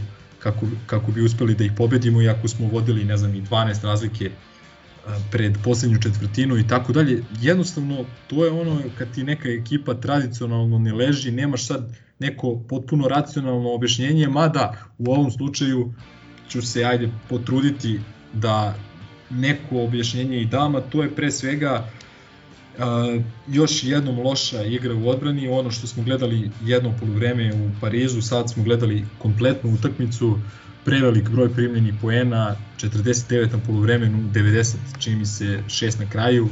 Uh, jednostavno pustili smo ih da uđu kako treba utakmicu da razigraju veliki broj igrača, oni su to iskoristili na najbolji mogući način, posle su u drugom poluvremenu ovaj, kada su se ovi nosioci malo umorili, onda su preuzeli odgovornost i pogodili neke bitne šuteve i epizodisti poput Radovanovića, odnosno uh, Murić koji celu sezonu ne može ništa da pogodi i protiv nas dade 15 poena i, i tako dalje. A, zaslužen poraz, ka, kažem opet, uh, poraz koji da je, da je utakmica koja da je došla u nekom drugom periodu verovatno bismo je dobili. U ovom slučaju dakle to nam je bila treća utakmica čini mi se u 7 dana. Treća je teška utakmica dakle prvo smo imali laktaše znamo svi sećamo se kako smo koliko smo krvi prolili da dobijemo tamo utakmicu. Zatim je došla ta Francuska gde, gde takođe, ne znam, Panter igrao 37 minuta, ale Dej 35,5 minuta i tako dalje. I onda ti dođe CDVita Olimpija, a ti bez Pantera i bez Kuruca. Da ne pravimo sad neki preveliki alibi, jednostavno povrede se dešavaju, imaju ih uh, imaju te pehove sa povredama i naši protivnici i tako dalje, ali činjenica je da da je moje mišljenje je da Kuruc je tu pre svega falio, a ako obratite malo pažnju i vratite film, sve loše defanzivne utakmice Partizana ove sezone su bile utakmice u kojima je odsustvovao Rodi Kuruc. Počevši od onog Zadra na startu koji nam je dao neki 75 poena, iako nema kvalitet da nam da 75 poena, pa onda ne znam Hamburg koji nam je dao čini mi se 90-ak, a, pa onda Francuska i to prvo vreme pomenuto i sada CDVita Olimpija, a mnogo fali u odbrani, videli smo i sinoć, o tome ćemo nešto kasnije, čim on uđe u igru, jednostavno poremeti koncepciju igre protivnika, nekim preuzimanjem ostane na nižem igraču koji ne može da ga probije, aktivan je na, dakle, na strani pomoći, znači na skoku, u odbrani visoko igrača, udvajanje, pressing po čitavom terenu i tako dalje. Ja mislim da bismo sa njim, čak i sa tom njegovom lošom formom, napadačkom i tako dalje, mislim da je on bio ta karika koja nam je falila, da malo onako unesemo čvrstine u svoju odbranu, u svoju igru. Jednostavno igrali smo i protiv CDVite dobro napadački dok nismo ostali bez gasa, to se desilo negde sredinom ili krajem treće četvrtine. Četvrtu četvrtinu smo videli da dišemo na škrge, bila je ona situacija, ne znam, na šest ili osam razlike kada je Ledej fauliran pod našim košem, imao je slobodna bacanja pošto su bili u bonusu, on bukvalno išao je kao da kreće u rat, ne znam, ono, uh, toliko umoran čovek, ja, ja sam rekao Gazi koji je bio pored mene na toj utakmici promašuje. I on je promašio to bacanje jer vidi se nedostatak svežine koju je ovaj, spomenuo i Željko sinoć, tako da u svakom slučaju zaslužen poraz, zaslužena pobeda CDVita Olimpije i mislim da je, da je ova utakmica jasno stavila do znanja i našem pre svega stručnom štabu, za koga opet sam siguran da i toga i sam bio svestan da nam fali malo igrača u rotaciji i kvaliteta na pre svega visokim pozicijama. Samo da kažem da, da nisam ništa ni očekivao od utakmice na koju Vili ode.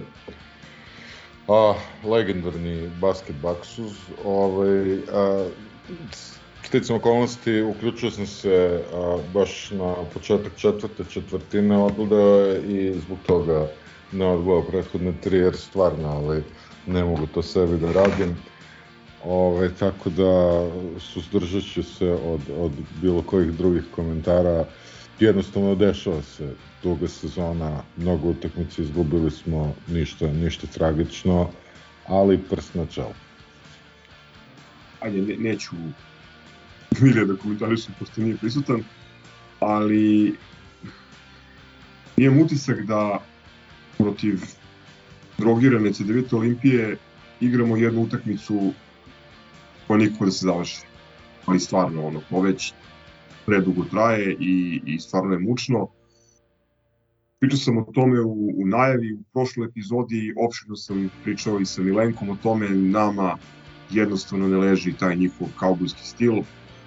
Oni jesu neuigrani, imaju neobičnu situaciju u klubu, sportskog direktora i trenera koji ne razgovaraju, trenera koji ne zna komu je na treningu, komu dolazi, komu odlazi, ali imaju i previše individualnog kvaliteta s polja i protiv nas su uvek serijski raspoloženi, da ne kažem napaljeni.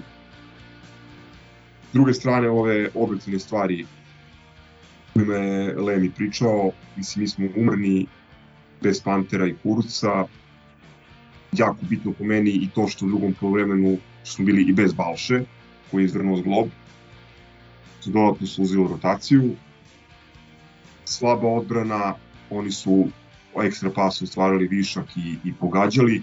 Ono što je zapravo najčudnije, ovaj, da, oni su nas definitivno uveli u svoj ritam, a mi smo na ovu utakmicu šutirali za 3, ako se ne varam, 44%, što je možda i ako ne najbolje, onda u, u top 3 šuterske predstave Partizana u ovoj sezoni, ali opet to nije bilo dovoljno, jer su oni baš uveli utakmicu u svoj ritam.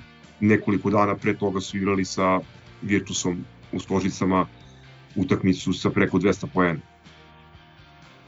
Da, Lem je pomenuo i to da su u ovoj situaciji ovi njihovi igrači iz drugog i trećeg plana iskoristili prostor i naš umor i da, Murić i Radovanović vjerovatno nikada vi u svojoj sezoni neće dati ovoliko poena i to ono što frustrira jer klub koji izgubi od Zadra, koji izgubi 30 razlike u budućnosti, koji izgubi od FNP-a, koji mislim bukvalno rasprodaje bodove levo i desno, dođe u Beograd i donese nam prvi poraz bez veze.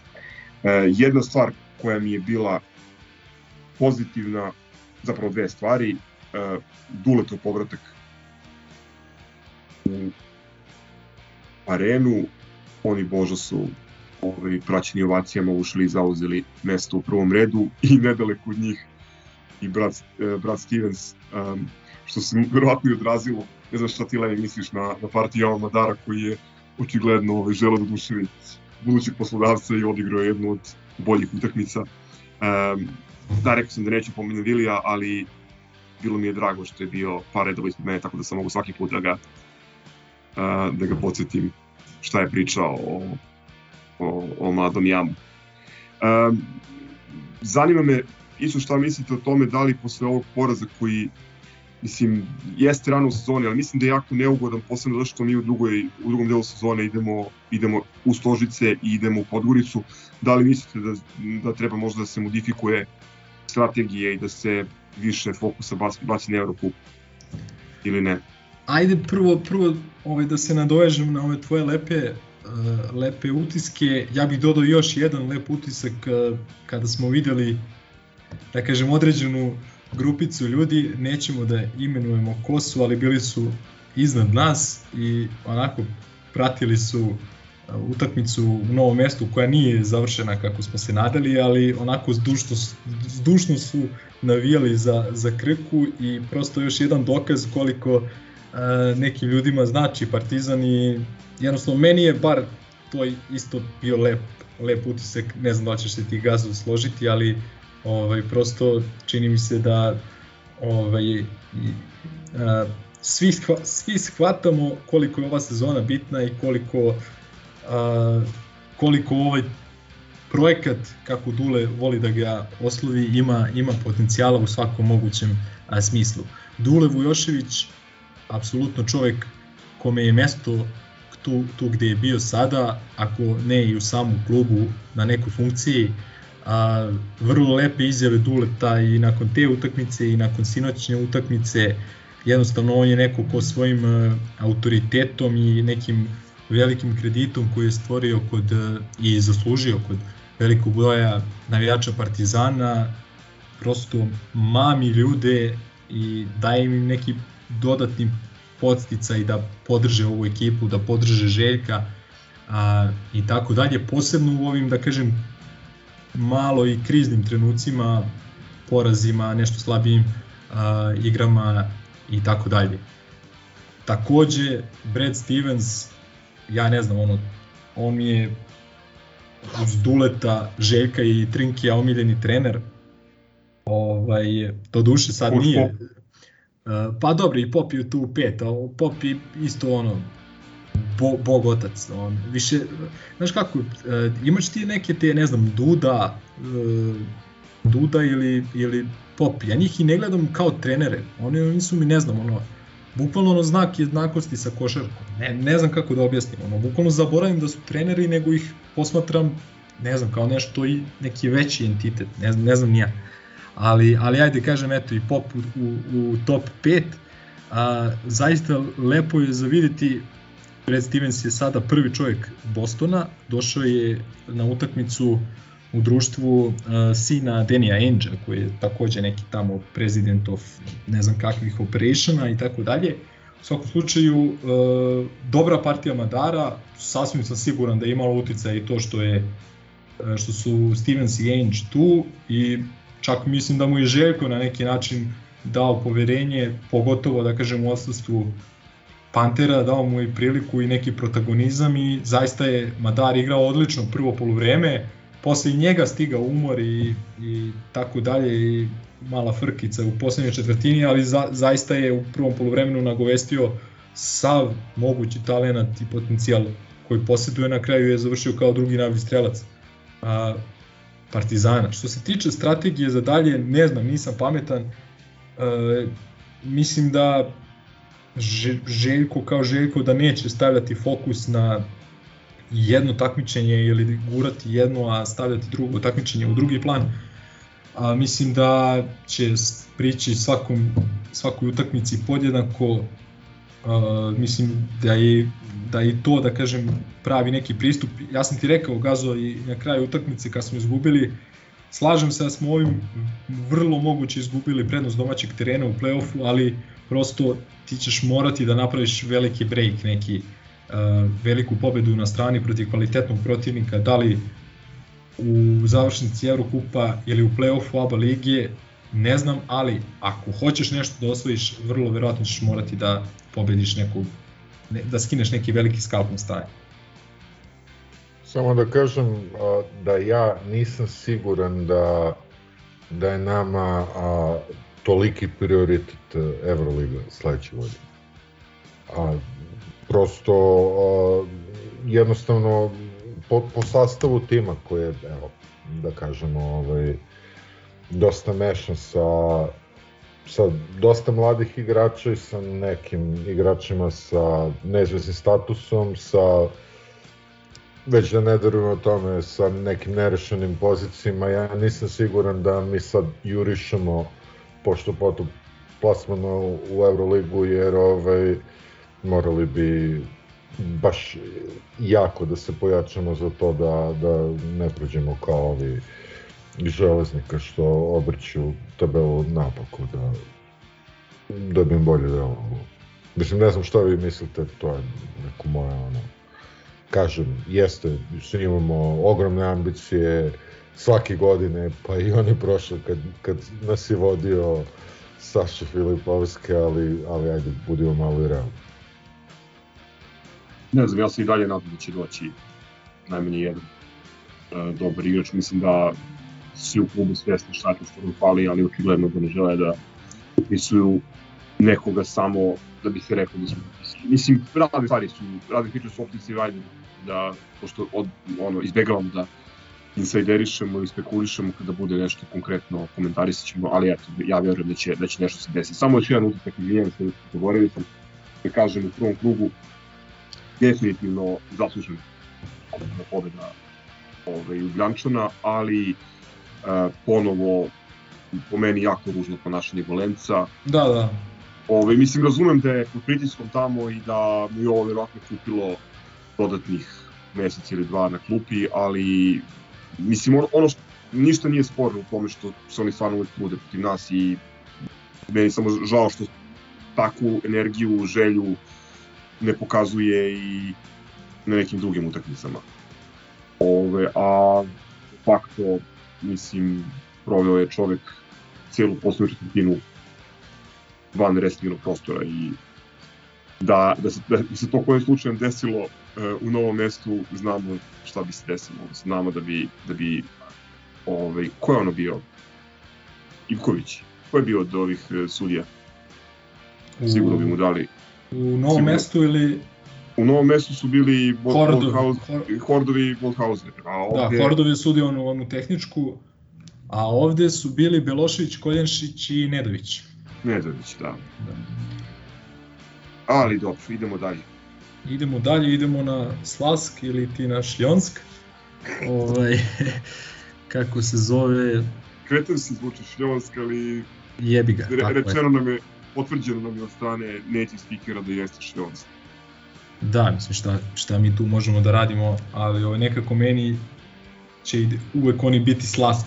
Jednostavno to je ekipa kako sam, ono, koju sam upoznao još tamo, ono, po, i to po lošem ih upoznao i boga mi, post, moglo je sinoć, a ono je pretilo da mi preraste u, ne znam, ono, ne znam, fljamurtari koji ste vi doživeli, ja nisam, ili Shamrock Floru, Charlou i šta smo još imali od tih nekih baš sramotnih poraza u, u svim Nemoj, sportu. nemoj da mešaš Charloa sa Slijemom, A dobro, ali opet, petak tikvom i sličnim.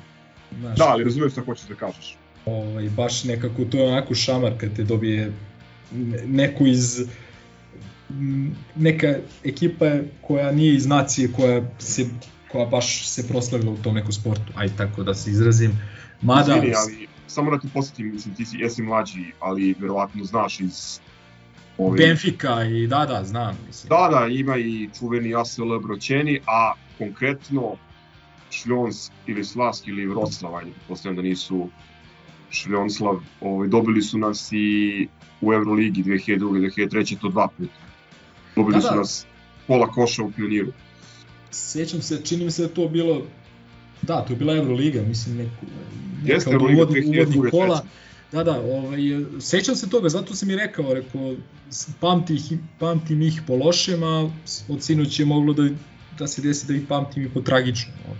Ali na sreću to neće biti slučaj, mada što mi volimo da kažemo jedan veliki prst na čelo i ovaj, moramo da se zapitamo ovaj, e, zašto smo delovali onako loše, ne ulazeći opet u razne alibije e, koji su važi, koji važe kao što su važi, važili za prethodnu utakmicu, dakle pojačana potrošnja, e, povrede, umor, premor određenih igrača, to nosilaca i tako dalje, sinoć jednostavno baš je slutilo na loše, dakle počevši od onog otvaranja utakmice gde smo ih pustili da a, se rastrče, da nam daju 15 poena za nekih 5 minuta, da bi onda sa onom, a, da kažem, klinačkom petorkom, petorkom gde su svi 2000. godište i mlađi, a, dakle Madar, Trifunović, Glas, Smajlagić, Koprivica, mi tu pravimo neku seriju, čini mi se 22-2, dakle sa 8-15. je bilo. 8-15 pa 30-17. Dakle, da, 22-2.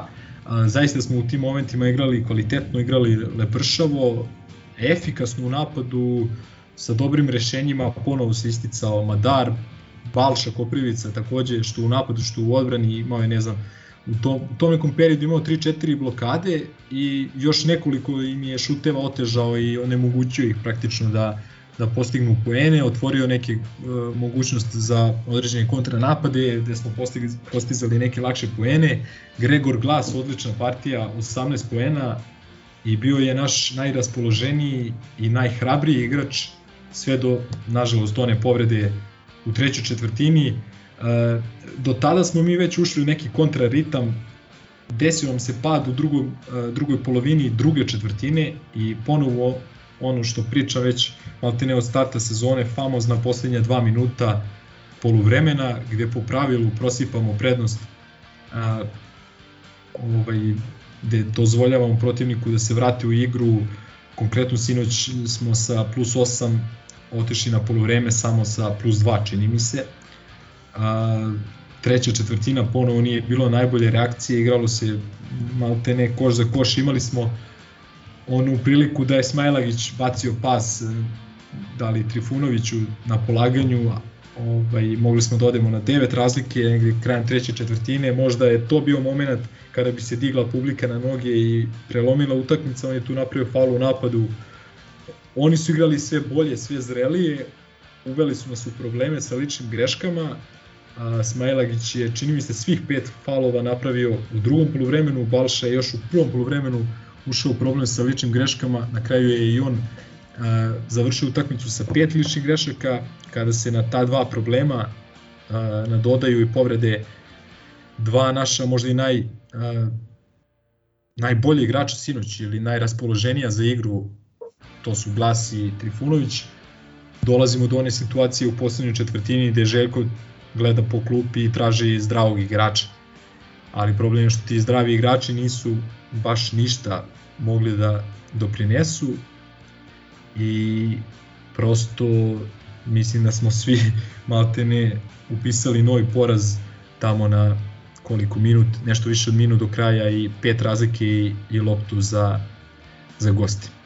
A, došlo se do te završnice, Željko i danas rekao da prosto čudo se desilo, zaista ono možemo da okarakterišemo kao čudo neke loše odluke Poljaka, imali smo pre svega onaj kontranapad koji je završio Abramović za kucavanjem, zatim dva bacanja, zatim uh, promaši Dangubića, pa onda, onda dva bacanja Dangubića i na kraju uh, ona izgubljena lopta gostiju i promaši Trifunovića, skoku napadu Dangubića i poeni i nakon toga i ona odbrana gde smo opet uspeli da sačuvamo pobedu u poslednjim, poslednjim sekundama.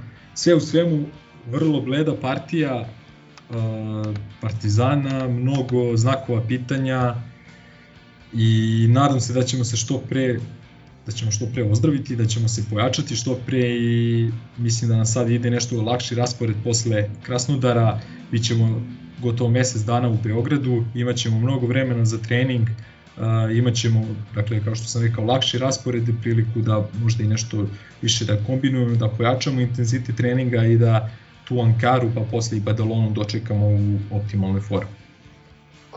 Prvo da kažem, Lemzi baš se predramio s ovim uh, Fremurtarijem, a, nije, nije ipak ovaj, a, a, toliki blam bio u, u najavi, ali slažem se, ono, ja sam oplakao utakmicu već u onom momentu kada, kada je Smiley dobio petu ličnu, jer mi ostajemo bukvalno sa, samo sa Ledejem koji je vidljivo, vidljivo umoran. Znači, bukvalno on mi je a, prva asocijacija Ricardo i daj Bože da, da je ovaj čovjek samo ne padne u jednom momentu. Mislim, tako da a, posle svega toga o, ova pobeda je onako čist bonus.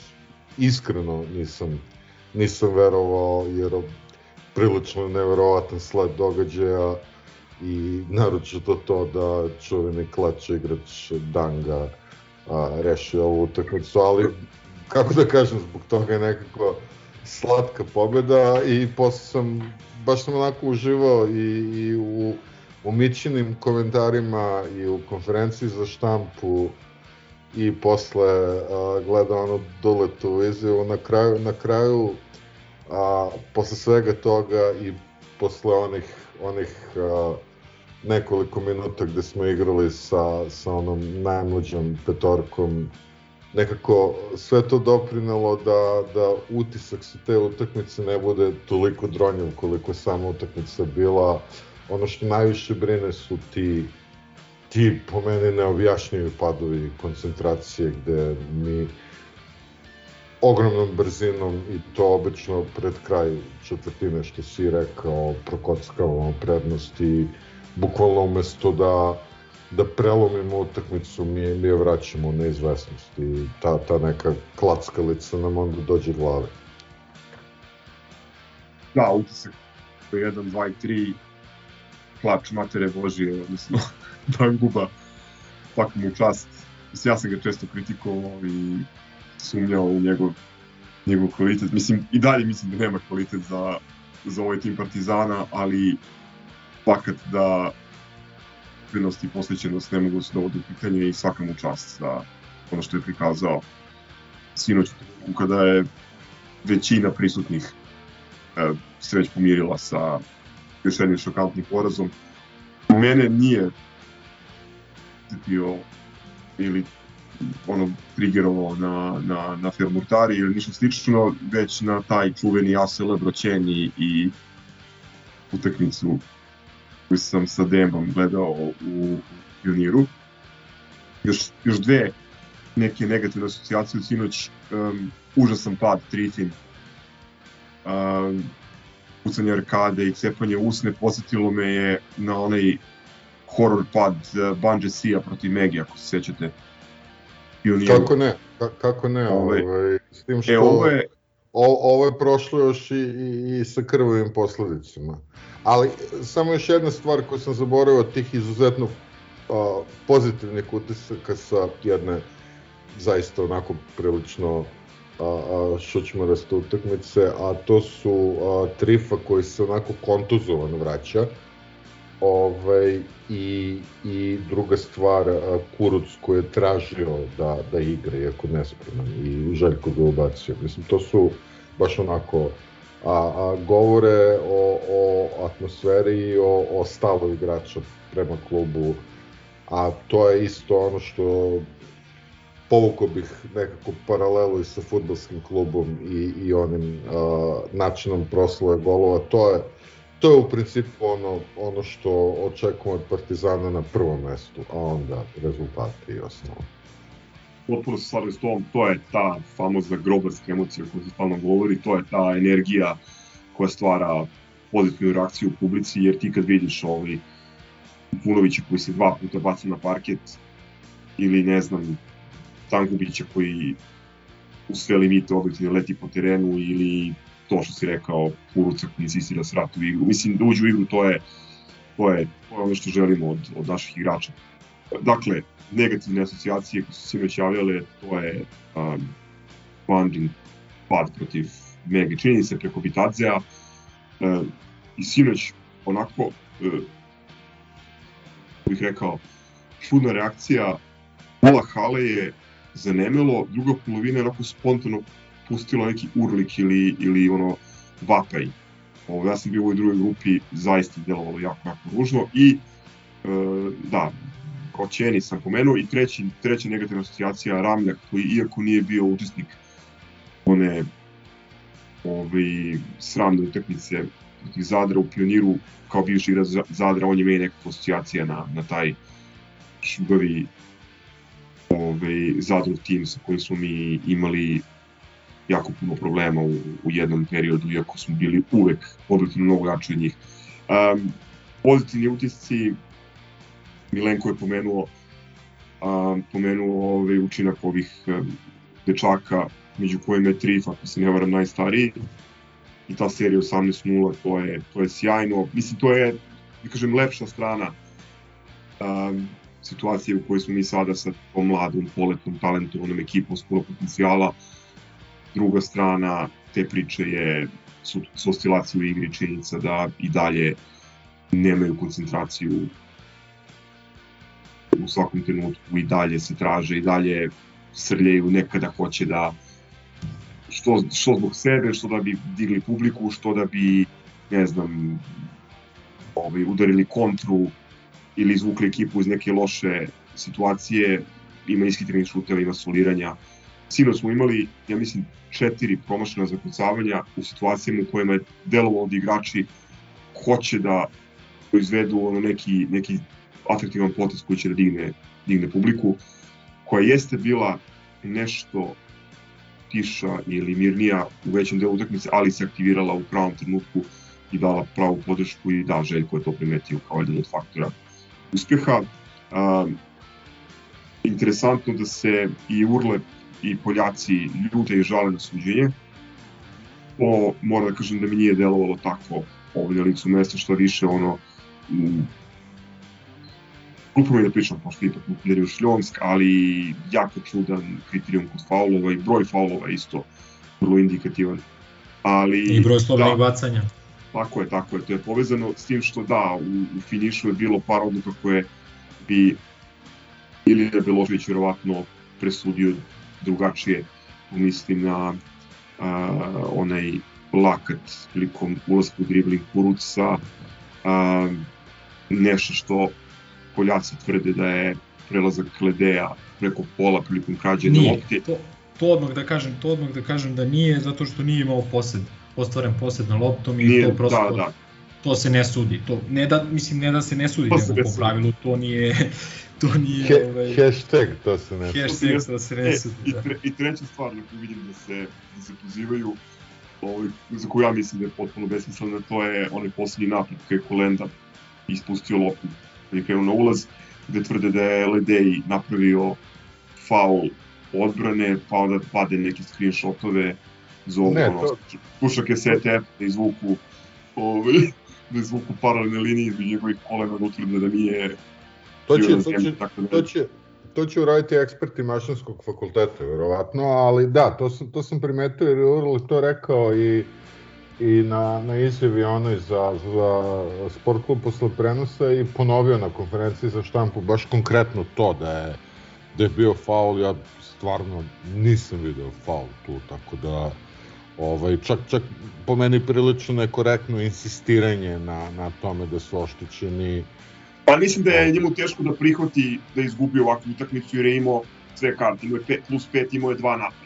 Jeste, I... mislim, i on priznaje da, da, da su oni svojim lošim ovaj, odlukama ovaj, doprineli tome, ali onda dodaje tu ogradu, mislim, ajde, ajde, mislim.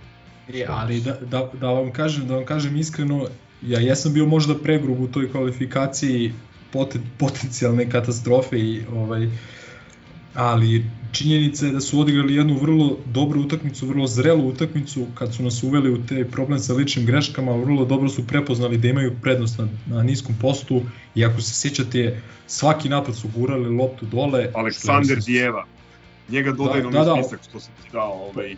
Pa on i Kanter, on i brat da. od ovog ču, čuvenog e, da, pridoma ovaj, Kantera. Rekoh, ovaj... rekoh, ovaj, rekoh um, X-u juče, pošto je on stavio pored mene, to je Kanter iz Pepka, znate onaj poljski lanac jeftinih DIY proizvoda. Ovaj, Poljski home centar, e, on je, on je odatle.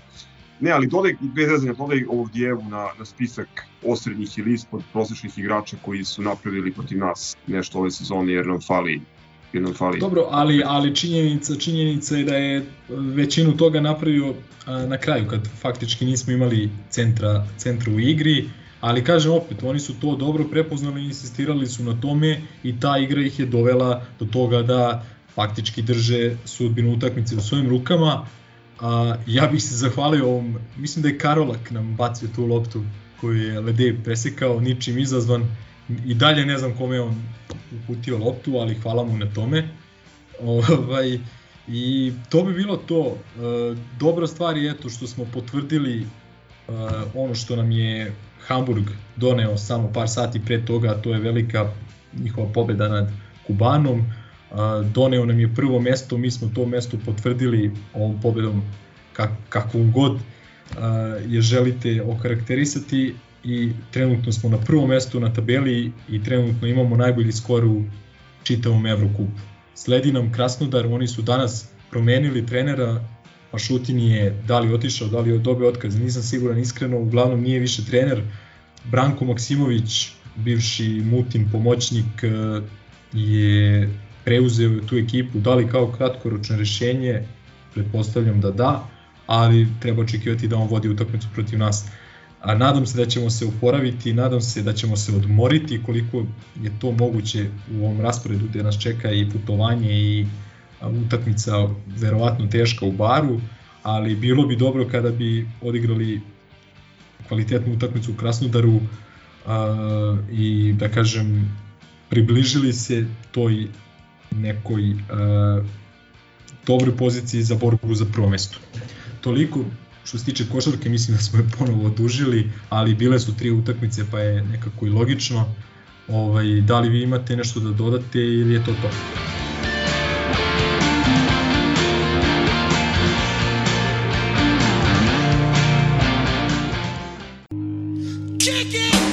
Da karamo tegane! Sad pršuta, sir, viski, pivo, sve.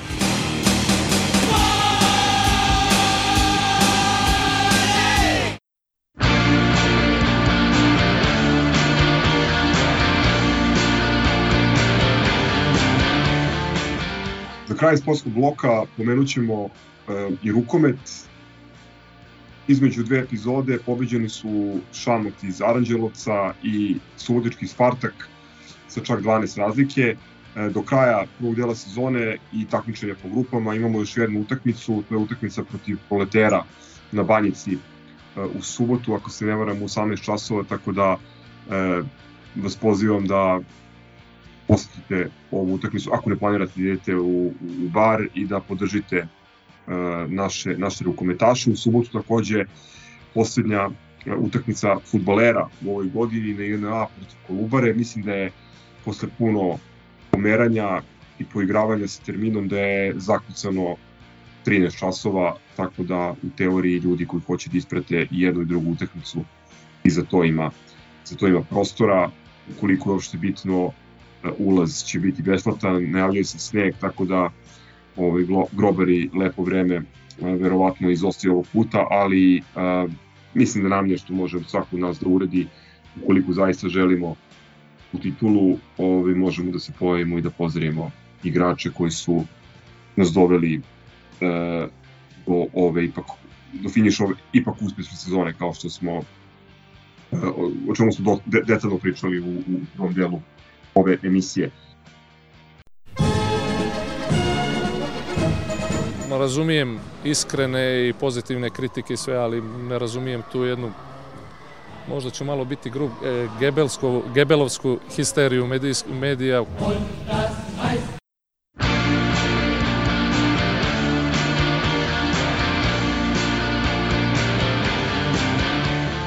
E, prelazimo na, na stalne rubrike. E, krećemo od um, rubrike za ništa sporan trenutak. E, neka nam ne zameri Mirko Poledica. Prvi put u ovoj rubrici imamo momente i iz futbala i iz košarke. Što se futbala tiče, komšije protiv Radnik iz Surdulice samo dva penala, ili što bi rekao naš drugar Nele, hvali je booster penal, e, pošto čujemo da postoje ovi brojni protesti i pritužbe na račun Nenada Djekovića i Partizanovog lobija, što je gotovo bilo u Futbolskom savezu koji ih sprečava da, da budu prvi. Eto, verovatno je malo ovim, pošto je dva penala po utakmici. E, što tiče košarke, Lem je pomenuo utakmicu u novom mestu. Vi koji ste gledali, znate šta je bilo novi nivo ludila čak i za standarde ove privatizovane da ne kažem kakve ABA lige. Ković je klub broj 2, takozvana Crvena zvezda je gubila, ako se ne varam, 15 poena na 8 minuta do kraja i onda očekivana sila koja se iznena da pojavlja i rešava stvar. Lemio, znaš koliko tačno faulova? Čini mi se četiri u napadu, jedna namerna i tehnička greška treneru Krke na sekund pre kraja. Mislim 14 faulova Krke u čini mi se u poslednjoj četvrtini, ako se ne varam, ili 14 bacanja. A nisam, nisam iskreno, nisam siguran, ali i nisam pogledao iskreno, nije mi padalo na pamet da, da vratim. Video sam samo tu uh, trojku Kalinića, lošu odbranu Krke i ovaj, onda ono, stvarno Smejuriju, ok, ono je možda i jeste bio možda jeste bio faul u napadu, ali da daš tehničku treneru u onakvom momentu, ja zaista to nisam video. Što bi oni rekli, to se, to se ne sudi. To se, da, što, što bi rekli. A mislim, Golemac je napravio da. 10 takvih tehničkih, e, pa da, to mi, realno... to mi je interesantan, to mi je interesantan kontrast, jer, mislim, ako je ono tehnička bila, on je čovjek bio celu poslednju četvrtinu van prostora restriktivno, znači on je setite se, setite se samo i ponašanja Pavićevića u sobstvenoj hali pre par sezona kada nas je dobio, ono, kada je Čanak vodio Partizan, gde smo mi sa 15 razlike prišli na ne znam 2-3 razlike i on traži time out, a zapisnički sto to nije video i gde on onako mahnito udara sa obe ruke po zapisničkom stolu i samo što i nije udario šamarčine Ovaj, I recimo on u tom momentu ne da nije dobio tehničku, nego je dobio čak time out koji je tražio, ako je zapisnički sto nije, ovaj, nije, nije primetio. Tako da, eto, ne znam, opet ta ABA liga koja je svrha i poenta, ne znam, naše je da se borimo i da verujemo i da probamo da je osvojimo na ovaj ili onaj način. Mislim da pređemo na objave. Može. Zlatna štoperica, ti si Srk imao nešto, tako? Iz rubrike štoperica nešto što smo ostali dužni ovaj, usled količine piva prošli put, pa nam je promaklo, jer sam planirao da pomenem. A to je, a, svi ste verovatno propratili jer je bilo nemoguće ovaj, ne videti, a to je bilo na bukvalno a, svim portalima, kako pozicijnim, tako i opozicijnim, a to je ona proslava a, nesvakidašnjeg uspeha, o čemu se radi. Evo, preneću prvo kako je to Informer formulisao, jer je dosta tipično. Zvezda strušila rekord najvećeg rivala, uslučnik sve caps lock, crveno-beli, pa opet caps lock, precrtali Partizan i zauzeli tron. A radi se jednostavno o broju pobeda u Euroligi. A, naravno imamo vrlo sličan naslov i a, na novi i još jedan koji se ističe, pošto uglavnom su variacije na temu, ovo je dosta dobro, Zvezda pretekla Partizan Crveno-Beli postali najbolji srpski klub u Euroligi i po broju i po procentu pobjeda. Tako da Panteri svaka vam čast, novinari vama posebno. A druga, drugi kandidat je a, nešto sveži, što bi se rekao, prilično taze, a tiče se onog junačko, junačkog poraza a, kome je prisustvovao najbolji teniser sa ATP liste ovaj, u Pioniru pre dva dana, a mislim, nadam se da ću iskopati i pustiti sound sample ali ukratko a, Crvena zvezda nije pobedila, ali nije ni izgubila. A bilo je, ne, bilo je nerešeno u četvrtinama, dobili su po dve. I tako mislim, genijalno, potpuno genijalno. Ja, glupo mi je više da pričamo o, diagnozama i o poređenjima sa, sa Severnim Korejama i taj mindset, ono, mislim, fantastično. Tako da, bilo je, bilo je nerešeno plus 7 za Barcelonu. Jeste, E, ja jeste, iskopat ću sound sample pa, a, kako kaže, a, da, da narod razume. E, a samo, samo, samo još jedna stvar, samo još jedna stvar, uh, ovaj, uh, meni je vrlo interesantno i kako su ovu Barcelonu uh, pokušavali da predstave kao najjaču Barcelonu ikada i, i šta ti ja znam, ovaj, samo mi podsjetio na onu utakmicu uh, čuvenu u Pioniru i 10.500 ljudi i ovaj, sudiju Lamoniku i trojku Robertsa i tako dalje, Barcelona do tog momenta, a to je bio pa ne znam, možda kraj, neki, kraj januara, do tog momenta u toj sezoni nije imala nijedan poraz. Ova Barcelona već sad ima neka 4-5 E, poraza. Samo da, da- iskoristim, da iskoristim priliku, a pozdravim Pećinka, znam zašto. Da. E, ja imam par prijava koji su slali slušalci i par ono X-Files prijava koje smo sami iskopali na raznim čudnim, da ne kažem, obskurnim mestima. E, prva stvar je, ako se ne varam, e, onaj stubac u žurnalu kada njihov reporter ocenjuje individualne učinke igrača. Ovo je opis Miljkovićevih šest i po protiv anortozisa. Citiram, pozadi povlaka zadovoljavajuće određen, određenog zadatka. Napred povlaka mora da shvati da nije Maradona i da kad mu se već ukazala prilika šutira, ne da se prošetla do gola. To je nešto što bi Vili verovatno odobrio. E, ovaj, na isto mesto od istog autora u dva izveštaja se pominje e, odrednica Miloša Jojića e, koji je koktel germanske discipline i srpske kreativnosti. Eto, to je ovaj, nešto što, na čemu žurnal insistira. Recimo da je koktel nemačke filozofije i srpske pouzdanosti. A, tak- e, imao sam jedno isto, to je poslalo neko slušalaca, jednu fenomenalnu, e, mislim da je poslednja strana kurira, gde nakon prvog gola Luki Jovića, verovatno u bilo kojoj zvaničnoj utakmici za Real, izlazi naslov Jović glavna zvezda u Madridu. I ispod e, u sitnim slovima stoji da je, ne znam, se, sedam puta nastupio i dao jedan gol. Mislim, ako je on sa tim jednim golom glavna zvezda u Madridu, onda to Madridu ne ide, ne ide baš najbolje u futbolu. I e, samo da vidim, ok, rekli smo da nećemo više nema nečega da reklamiramo, tako da ću to da preskučim. A kasnije ću, postoje mogu i sad, pozdravim mistera koji je završio fakultet, ali ne građevinski, e, diplomskim radom na temu, citiram, Management kampa, kampa Deki 5 i njegov uticaj na normativne vrednosti, eksplo- eksplozivne snage, brzine i agilnosti mladih futbolera. Čekaj, čekaj, šta si rekao? Management kampa Deki 5 i njegov uticaj na normativne vrednosti, ekskluzivne snage, brzine i agilnosti mladih futbolera. To je A, o- a ovo lepti, ja vidim kakav bullshit generator, pa zar je mora baš i naslov da bude iz bullshit generatora? šista desetka na fakultetu za sport Univerziteta Unije povlaka Nikola Tesla. Ja, A, vidio reci, sam, reci mi vidio- samo da, da li je ovaj, ovaj najpoznatiji polaznik košarkaške trenerske škole na istom univerzitetu? E, To ne bih znao da ti kažem, zaista. Ne bi, ja. vidio sam da je Mislim da nije. Vidio Da sam li, na, da li na budžetu? da, vidio sam, vidio sam da je mister ovaj bio i propisno obučen za odbranu. Dana u tenerci je došao na... Neverovatno. Njomber. Valjda će ovo sranje da se završi jedno više.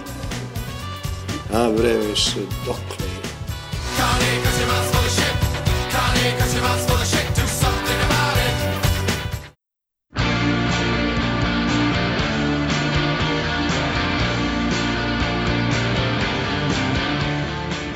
Ništa, jel imamo još nešto dobro ili da pozdravljamo i izjavljujemo?